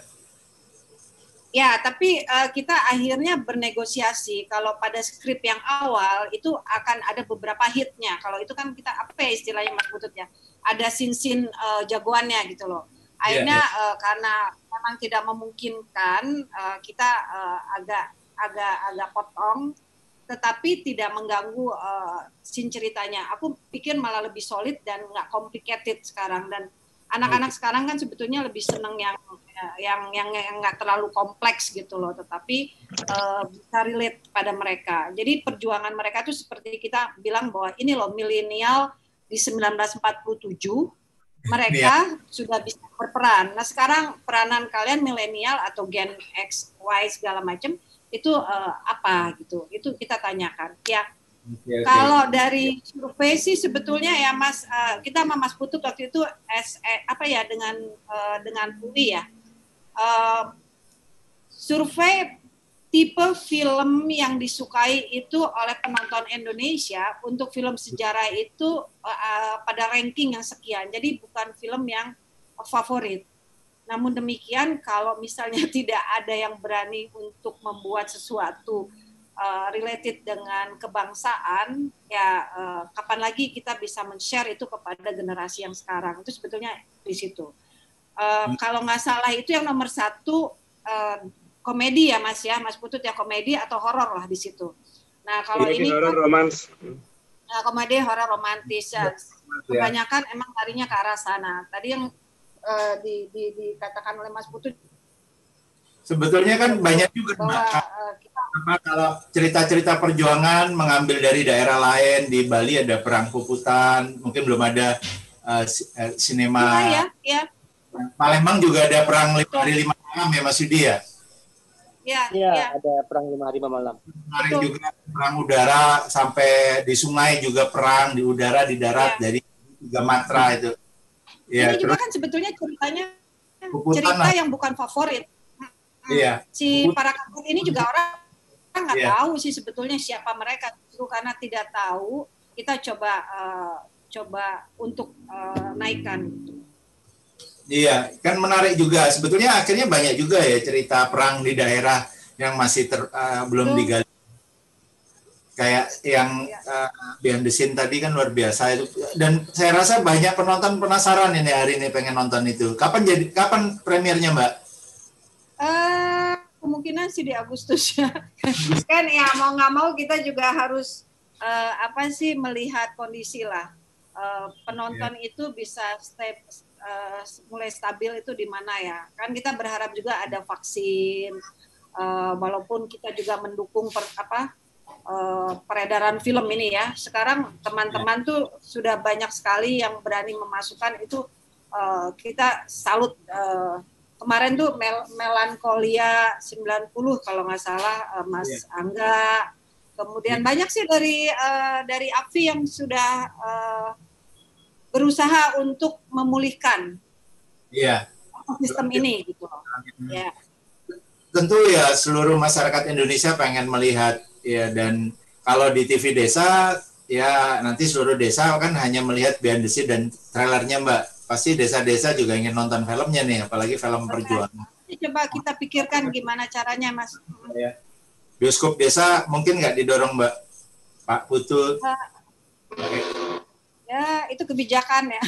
ya, itu polisi pemerintah itu yang kita yang memang itu salah satu apa salah satu kehilangan besar kita. Kalau zaman saya kecil tahun 8 tahun 70 sekian itu setiap kota kabupaten punya bioskop. Iya. Yeah. Uh, tapi sekarang memang enggak ya karena satu dan lain hal ada sebuah studi yang cukup menarik mengenai itu. Uh, jadi sekarang ber uh, dengan kata lain sekarang film itu sangat terdorong kepada kelas menengah ke atas. Kalau kita lihat gedung bioskop hampir semua kan Iya. Yeah. Uh, apa namanya? Uh, wall to wall carpet gitu kan. Kemudian yeah jadi memang itu peristiwa komunal, peristiwa bersama yang kemudian orang datang ke situ bukan hanya untuk menonton tapi juga makan. Uh, karena uh, memang yeah. Ya. uh, kalau di Amerika sudah agak ekstrim, jadi malah justru pendapatan dari popcorn dan beverages itu lebih tinggi dari pendapatan film misalnya. Jadi industri yeah. uh, eksibisi itu uh, didukung juga oleh uh, refreshment dan sebagainya itu. Ya, karena karena bukan menonton sebagai menonton saja, tapi memang peristiwa peristiwa kebersamaan lah itu gitu. Makanya film-film yang berhasil selalu adalah film-film yang bisa membuat orang menonton bersama dan kalau perlu berkali-kali. Kali-kali betul ya. Universal ya dan abadi ya. Dan saya rasa kan film seperti uh, tadi Bayi tadi kan mengangkat uh, sejarah kembali patriotisme ini kan semestinya harus ditonton bahkan seluruh uh, yeah. seluruh Indonesia ya sampai pelosok-pelosok Nusantara tadi ya kita uh, doakan ke depan uh, ada bioskop desa tidak lagi TV desa pak tapi juga yeah. desa ya. ya. tapi aku pikir tadi menarik menarik banget yang film apa Kadet 1947 ya Mbak Ai ya ya Mas ya, ya Kang Iya, aku pikir uh, apa ya, uh, mungkin ke depannya ya mungkin apa ya film kadet 1947 ini mungkin nanti bisa apa ya bisa menjadi pelopornya untuk film-film film-film ya. perjuangan ya. Karena kan dulu kan sempat berjaya ya film-film perjuangannya zaman zaman uh. film apa? Oh, zaman lewat jam jam malam atau karena kan aku pikir uh, ya. ya mungkin mungkin siapa tahu ke depan nanti ya mungkin ya film-film perjuangan apa eh, tema-tema perjuangan di Indonesia mungkin ya sama kayak sekarang mungkin kayak film 1917 atau Dunkirk ya. Menarik gitu kan maksudnya tema apa perjuangan uh, perang tapi menarik. Tapi ada unsur drama itu sangat menarik. Kombinasi ya. Iya aku pikir uh, menarik mbak. Ya saya masih... itu kameranya yang kita pakai sama dengan 1911 wah. Oh, ya. Oke oke. Aku ingat aku ingat filmnya ini apa yang disutradarai Angelina Jolie itu yang Un Unbroken ya. Itu bagus banget filmnya. maksudnya ketika nonton film itu Unbroken itu kan ya apa ya uh, kita nggak nggak kerasa kita juga ikut nangis gitu kan ketika dia perang apa perang tapi dikemas dalam bentuk drama drama apa ya uh, bagus banget itu mungkin ya mungkin ada tadi mungkin kata Mas Putut kan kita tambahin layar-layar tadi ya Mas ya mungkin ya tambahin layar mungkin jadi jadi jadi apa ya jadi semacam daya tarik buat orang menonton sih sepertinya. Yeah. Uh, ini juga aku sih uh, memperkenalkan dua sutradara baru ya. Ini uh, aku game bukan gambling ya, mengambil resiko juga.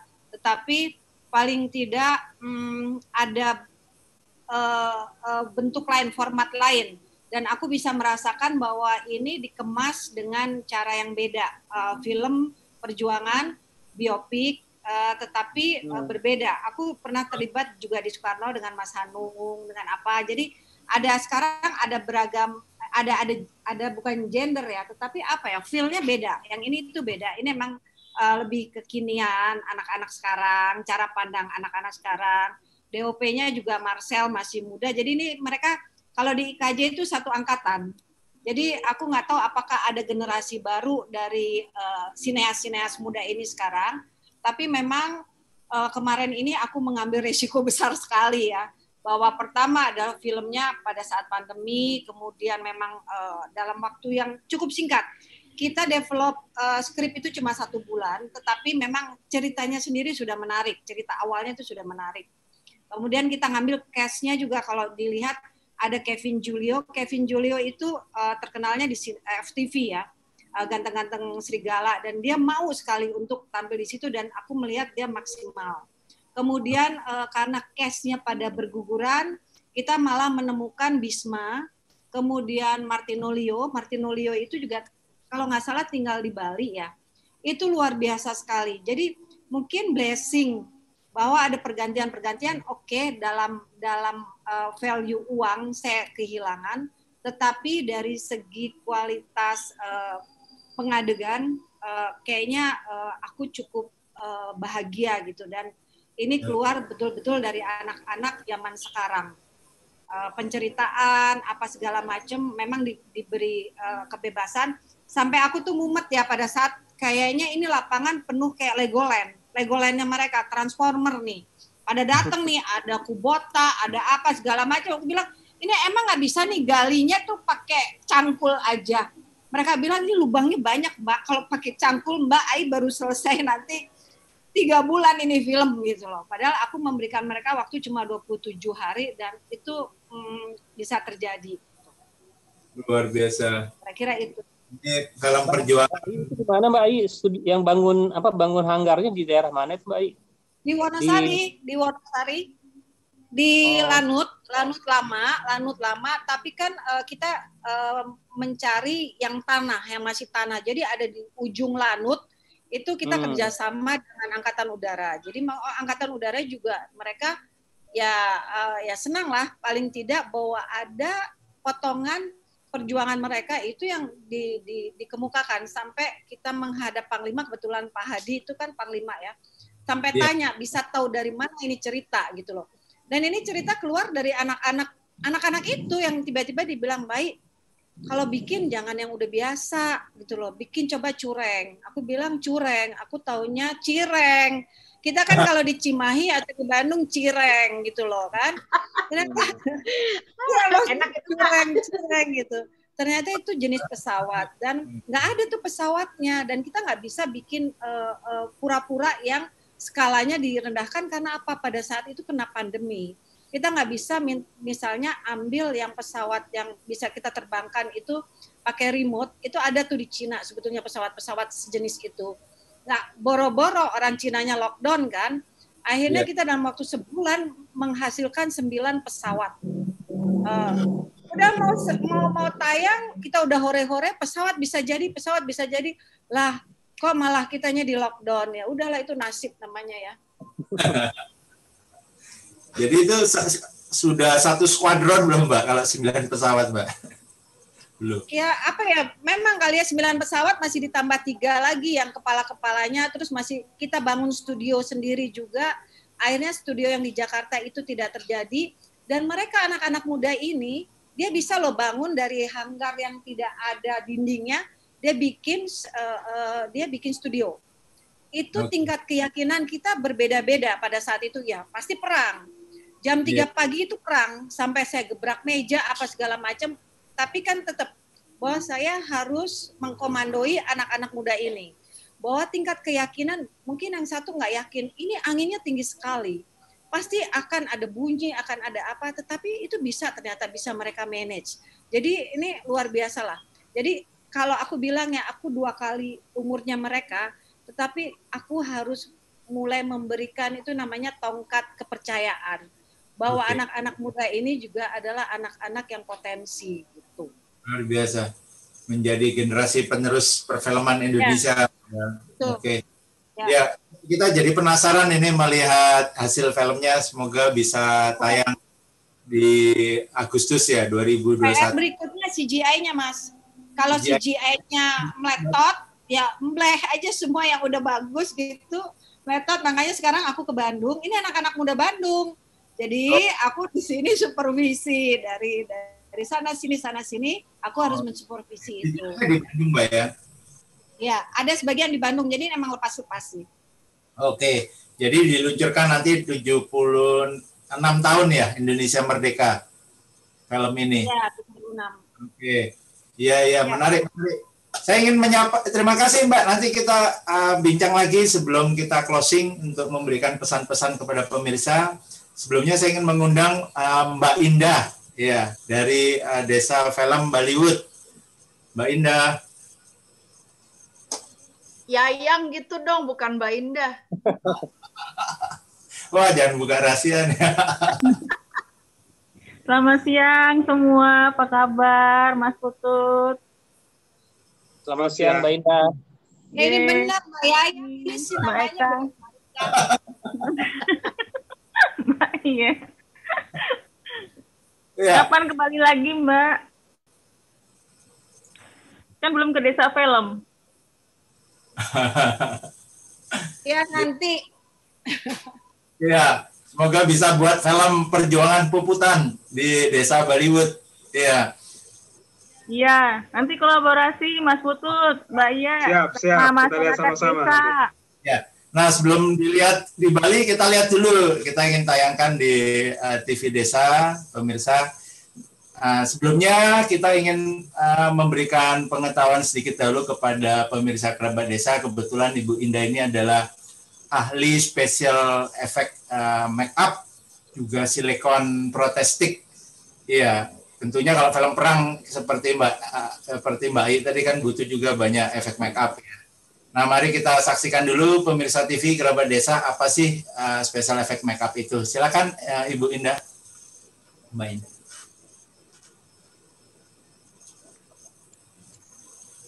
Iya, selamat siang semua kerabat desa. Eh, salam kenal dengan saya Indah Mira Selova dari Bali Woodland. Eh, Bali Woodland itu letaknya di desa di Abian Semal, uh, dan desa Abian Semalnya. Dan kemarin, Alhamdulillah, Bali Woodland sudah terintegrasi di enam kabupaten dan dua kota.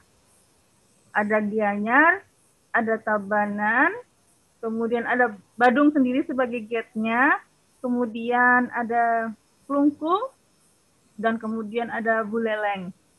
Nah, setelah itu ada kota yang duluan adalah kota Palembang dan kota Batu.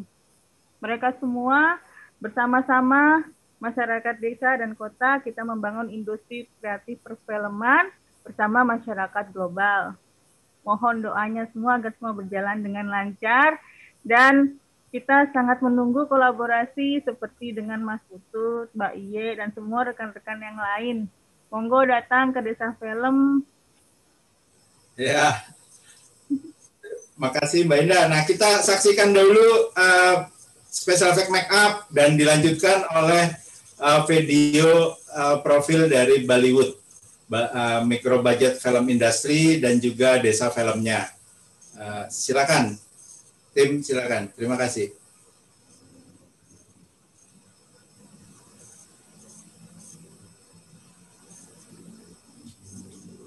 Silakan uh, video untuk pertama special effect make up dahulu. Uh, ya. Saya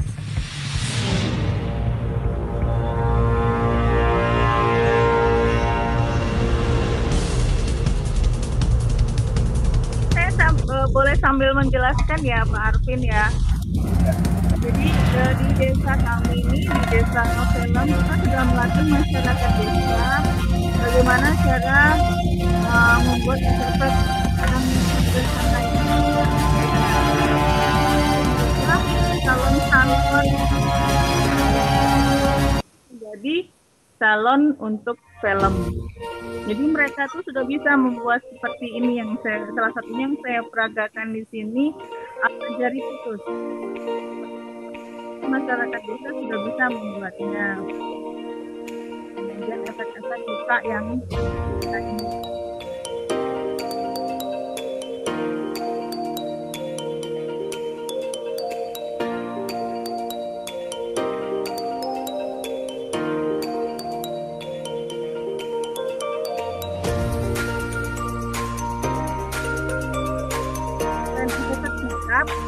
Kita juga eh, mengajari masyarakat desa untuk membuat kerajinan film kita membuat uh, protestik bagaimana cara membuat uh, topeng silikon tapi berkearifan lokal. Kita lihat Bali itu kan kearifan lokal bau itu akan kita buat cetak melalui silikon protestik untuk kita pasarkan dan sudah kita mulai lagi ke masyarakat desa.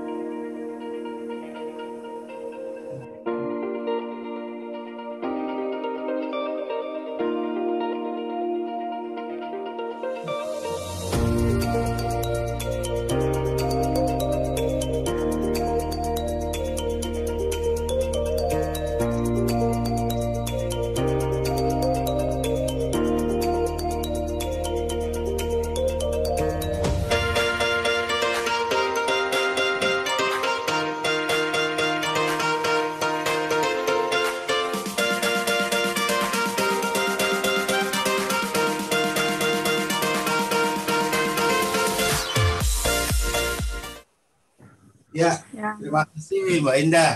matur sukma. Ya, ya sekarang kita saksikan uh, video uh, apa itu micro budget uh, film industri dan desa film Bollywood untuk kerabat desa pemirsa TV Nusantara. Terima kasih.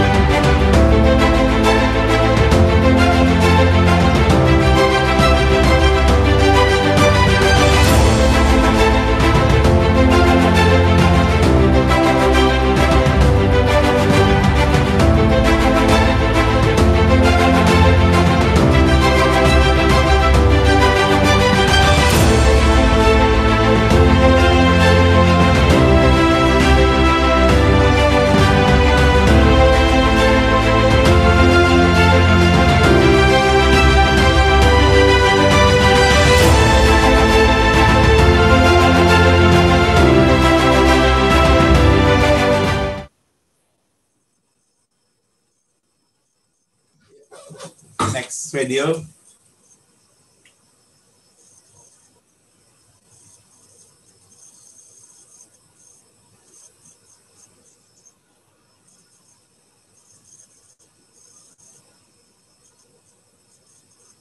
Ya, uh, next videonya, tim mohon ditayangkan next videonya.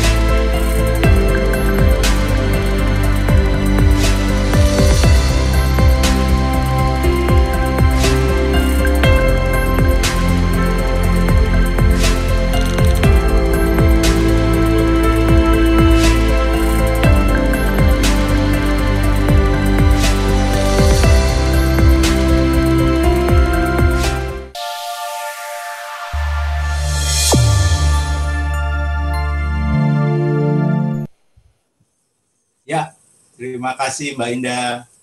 Jadi Bollywood baru piagam bersama dunia ya Sabtu kemarin dan delapan pemerintah kota dan kabupaten. Kota dan kabupaten. Ya, kota kabupaten dan industri uh, dunia yang bersinergi. Mari kita sama-sama sukseskan uh, Bollywood integration ya. Mbak Mbak Ayi, Mas Mas Putut, ya, Mas Yudi. Siap. Bisa menjadi uh, ekosistem basis baru uh, kita bersinergi dengan dunia di khususnya kalau di industri micro budget uh, film industri. Nah, so, mari kita sapa kembali uh, pemirsa kerabat desa dengan pesan-pesan semangat, tentunya semangat uh, membuat film apalagi dan juga semangat uh, ekonomi kreatif ya Indonesia terus maju ke depan. Kembali karena ini hari ibu, sekarang ibunya sudah ada tiga ibu. Nah, kita mulai dari um, Mbak Ayi dulu. Silakan pesan-pesannya kepada kerabat desa Senusantara.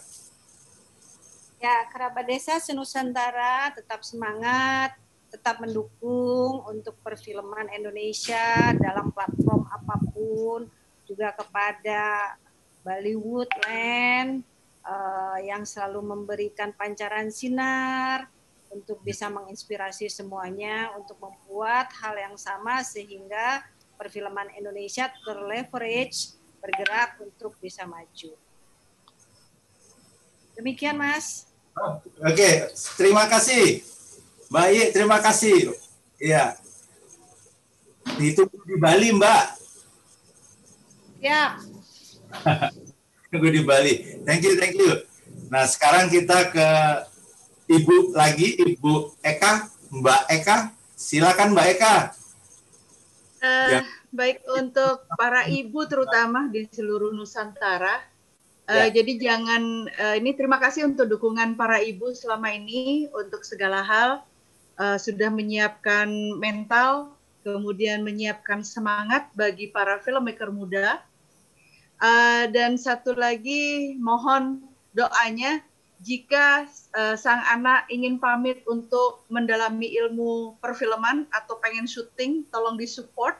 Jadi uh, tidak ada lagi kata larangan, terutama untuk anak perempuan yang akan menuju uh, misalnya menuju syuting ke hutan gitu, yang adventure gitu. Seringkali para ibu masih mengkhawatirkan. Jadi uh, sekali lagi semoga dengan dukungan para ibu, uh, dukungan para ayah juga uh, yeah. menjadikan film Indonesia akan semakin baik dan semakin maju serta kreatif ke depannya. Itu terima kasih.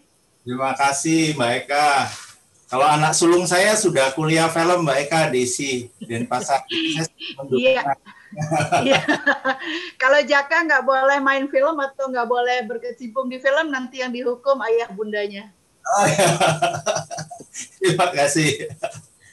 Ya. Sekarang uh, mamanya Jaka kalau gitu. ya, uh, singkat saja untuk seluruh kerabat desa di mana pun berada. Uh, sebelumnya untuk kerabat desa yang para ibu, selamat hari ibu kita sama sama ibu. Mari kita menyayangi anak-anak kita semua, kita dukung, um, kita dukung kreativitas mereka. Tentunya kreativitas yang positif, kita dampingin dan kita arahkan. Jangan jangan dilarang, tapi kita apabila ada terkendala kita bersama-sama mereka merangkul dan mencari solusinya. Nah, kemudian untuk yang lainnya uh, kerabat desa um, umur umur adalah buta, bukan batasan usia untuk selalu belajar dan berkarya. Teruslah berkarya dan berkreasi. Jangan puas uh, dan berhenti hanya di satu karya saja. Itu aja. Selamat hari Ibu sekali lagi. Makasih. Ya, kita sudah mendengar langsung dari ibu-ibu film Indonesia sekarang mendengar dari bapak-bapaknya. ya, uh, dari uh, uh, Mas Putut dulu, Pak Putut silakan. Ya, uh, para kerabat desa Nusantara, terima kasih atas waktunya uh, men, me, perhatiannya pada acara ini. Uh, jadi saya kira uh, salah satu yang penting untuk membangkitkan ekonomi Indonesia dari pandemi ini adalah uh, ekonomi kreatif. Ya, film salah satu di antaranya. Ada yang lain tentu saja musik, uh, penerbitan buku dan sebagainya. Tapi film adalah uh, medium yang universal karena menggabungkan semua aspek dari suara, dari apa, teater, dari fotografi, semua aspek ekspresi seni ada dalam film oleh karena baik dokumenter maupun uh, film fiksi ya oleh karena itu uh, mari kita dukung uh, dengan menonton film yang secara legal jangan nonton bajakan karena iya. semakin kita nonton bajakan itu mengurangkan uh, semangat bagi para pembuat film untuk memproduksi film-film berikutnya jadi uh, tugas kita semua untuk buat buat para produser buat para yang dibalik pembuatnya menghasilkan uh, karya sebaik mungkin dan kita sudah tahu bahwa Indonesia menyediakan kemungkinan-kemungkinan cerita yang tidak terbatas ya uh, batasnya tidak ada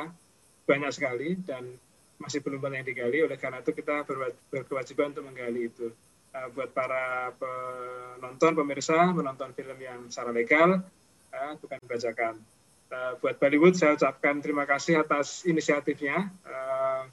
Saya kira kalau melihat profil tadi itu banyak sekali yang kemungkinan-kemungkinan terbuka untuk bisa dikerjasamakan. Ya, siapa tahu ada jalan gitu memproduksi yeah. film mengenai sambal.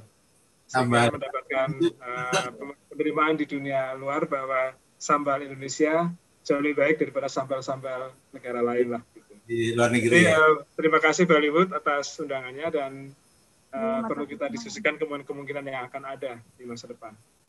Terima kasih. Terima kasih. Terima kasih Pak Butut. Nanti uh, pemerannya utamanya tetap harus Mbak Eka Pak Butut.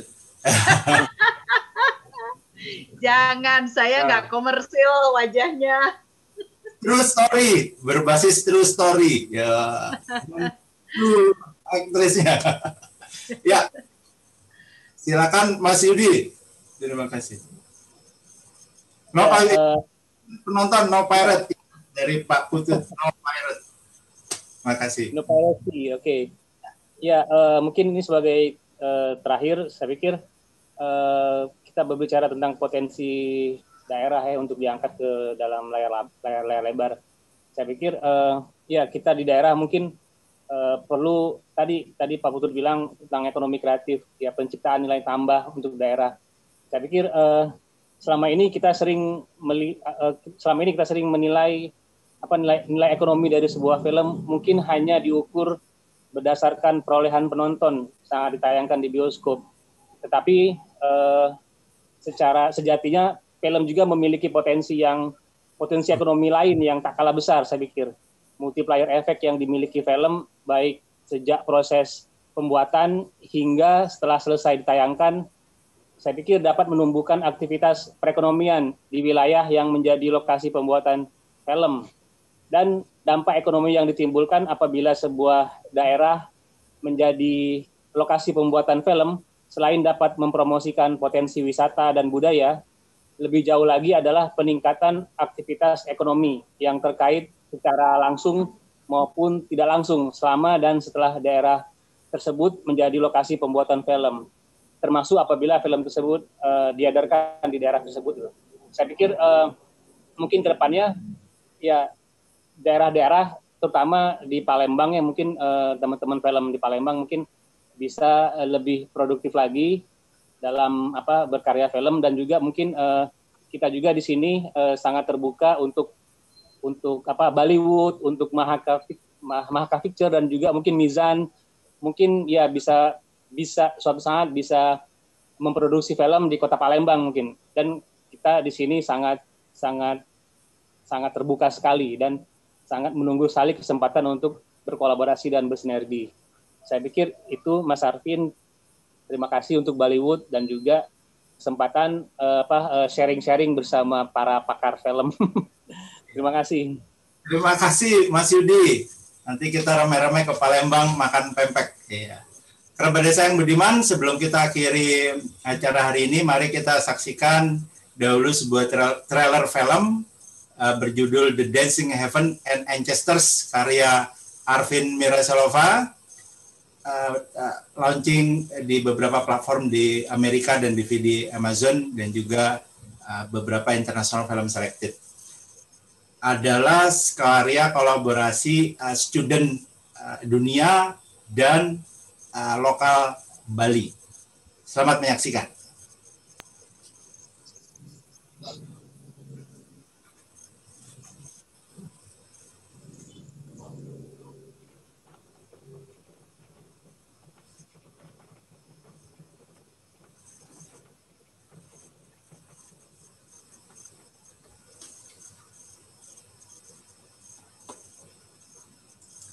My beautiful angel, my wonderful love. Dancing is my life. No, stop. In the holy place. You know that our mom waiting for us in the heaven. Oh, come on, please stop. God. Don't destroy, then live. Why, God? Why? Where are you, Mom? I know. It's dead. I can feel you. I just wanna hear them sing with you. For last my whole life. For last my whole life. Oh, you looks like mom. My daughter. You looks like mom.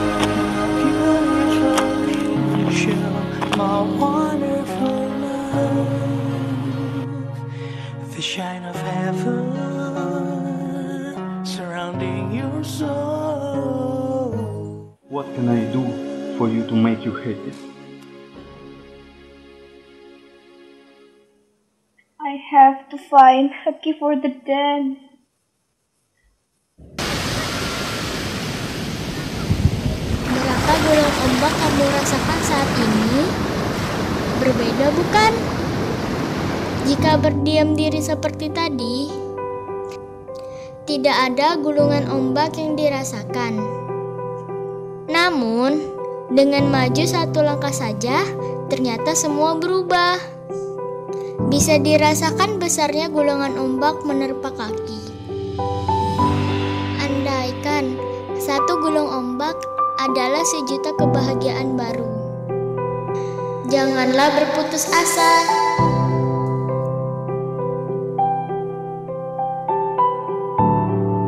Matur suksma leluhurku.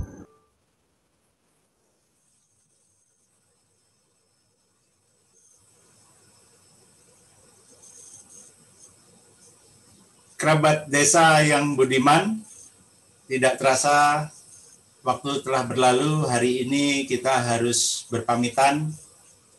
Telah kita saksikan sesama bahwa banyak sekali pengetahuan-pengetahuan dari narsum-narsum hari ini berbagi dengan kita. Sampai jumpa kembali di Talk with Arvin episode selanjutnya.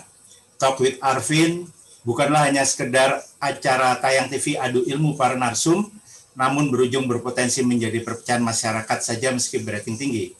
Namun Talk with Arvin adalah sebuah acara tayang TV yang merangkai ilmu para tokoh narsum-narsum hebat di negeri ini menjadi solusi dan berbagi pengetahuan bijak bagi yang menonton menontonnya abadi sepanjang zaman sampai tayang kapan pun.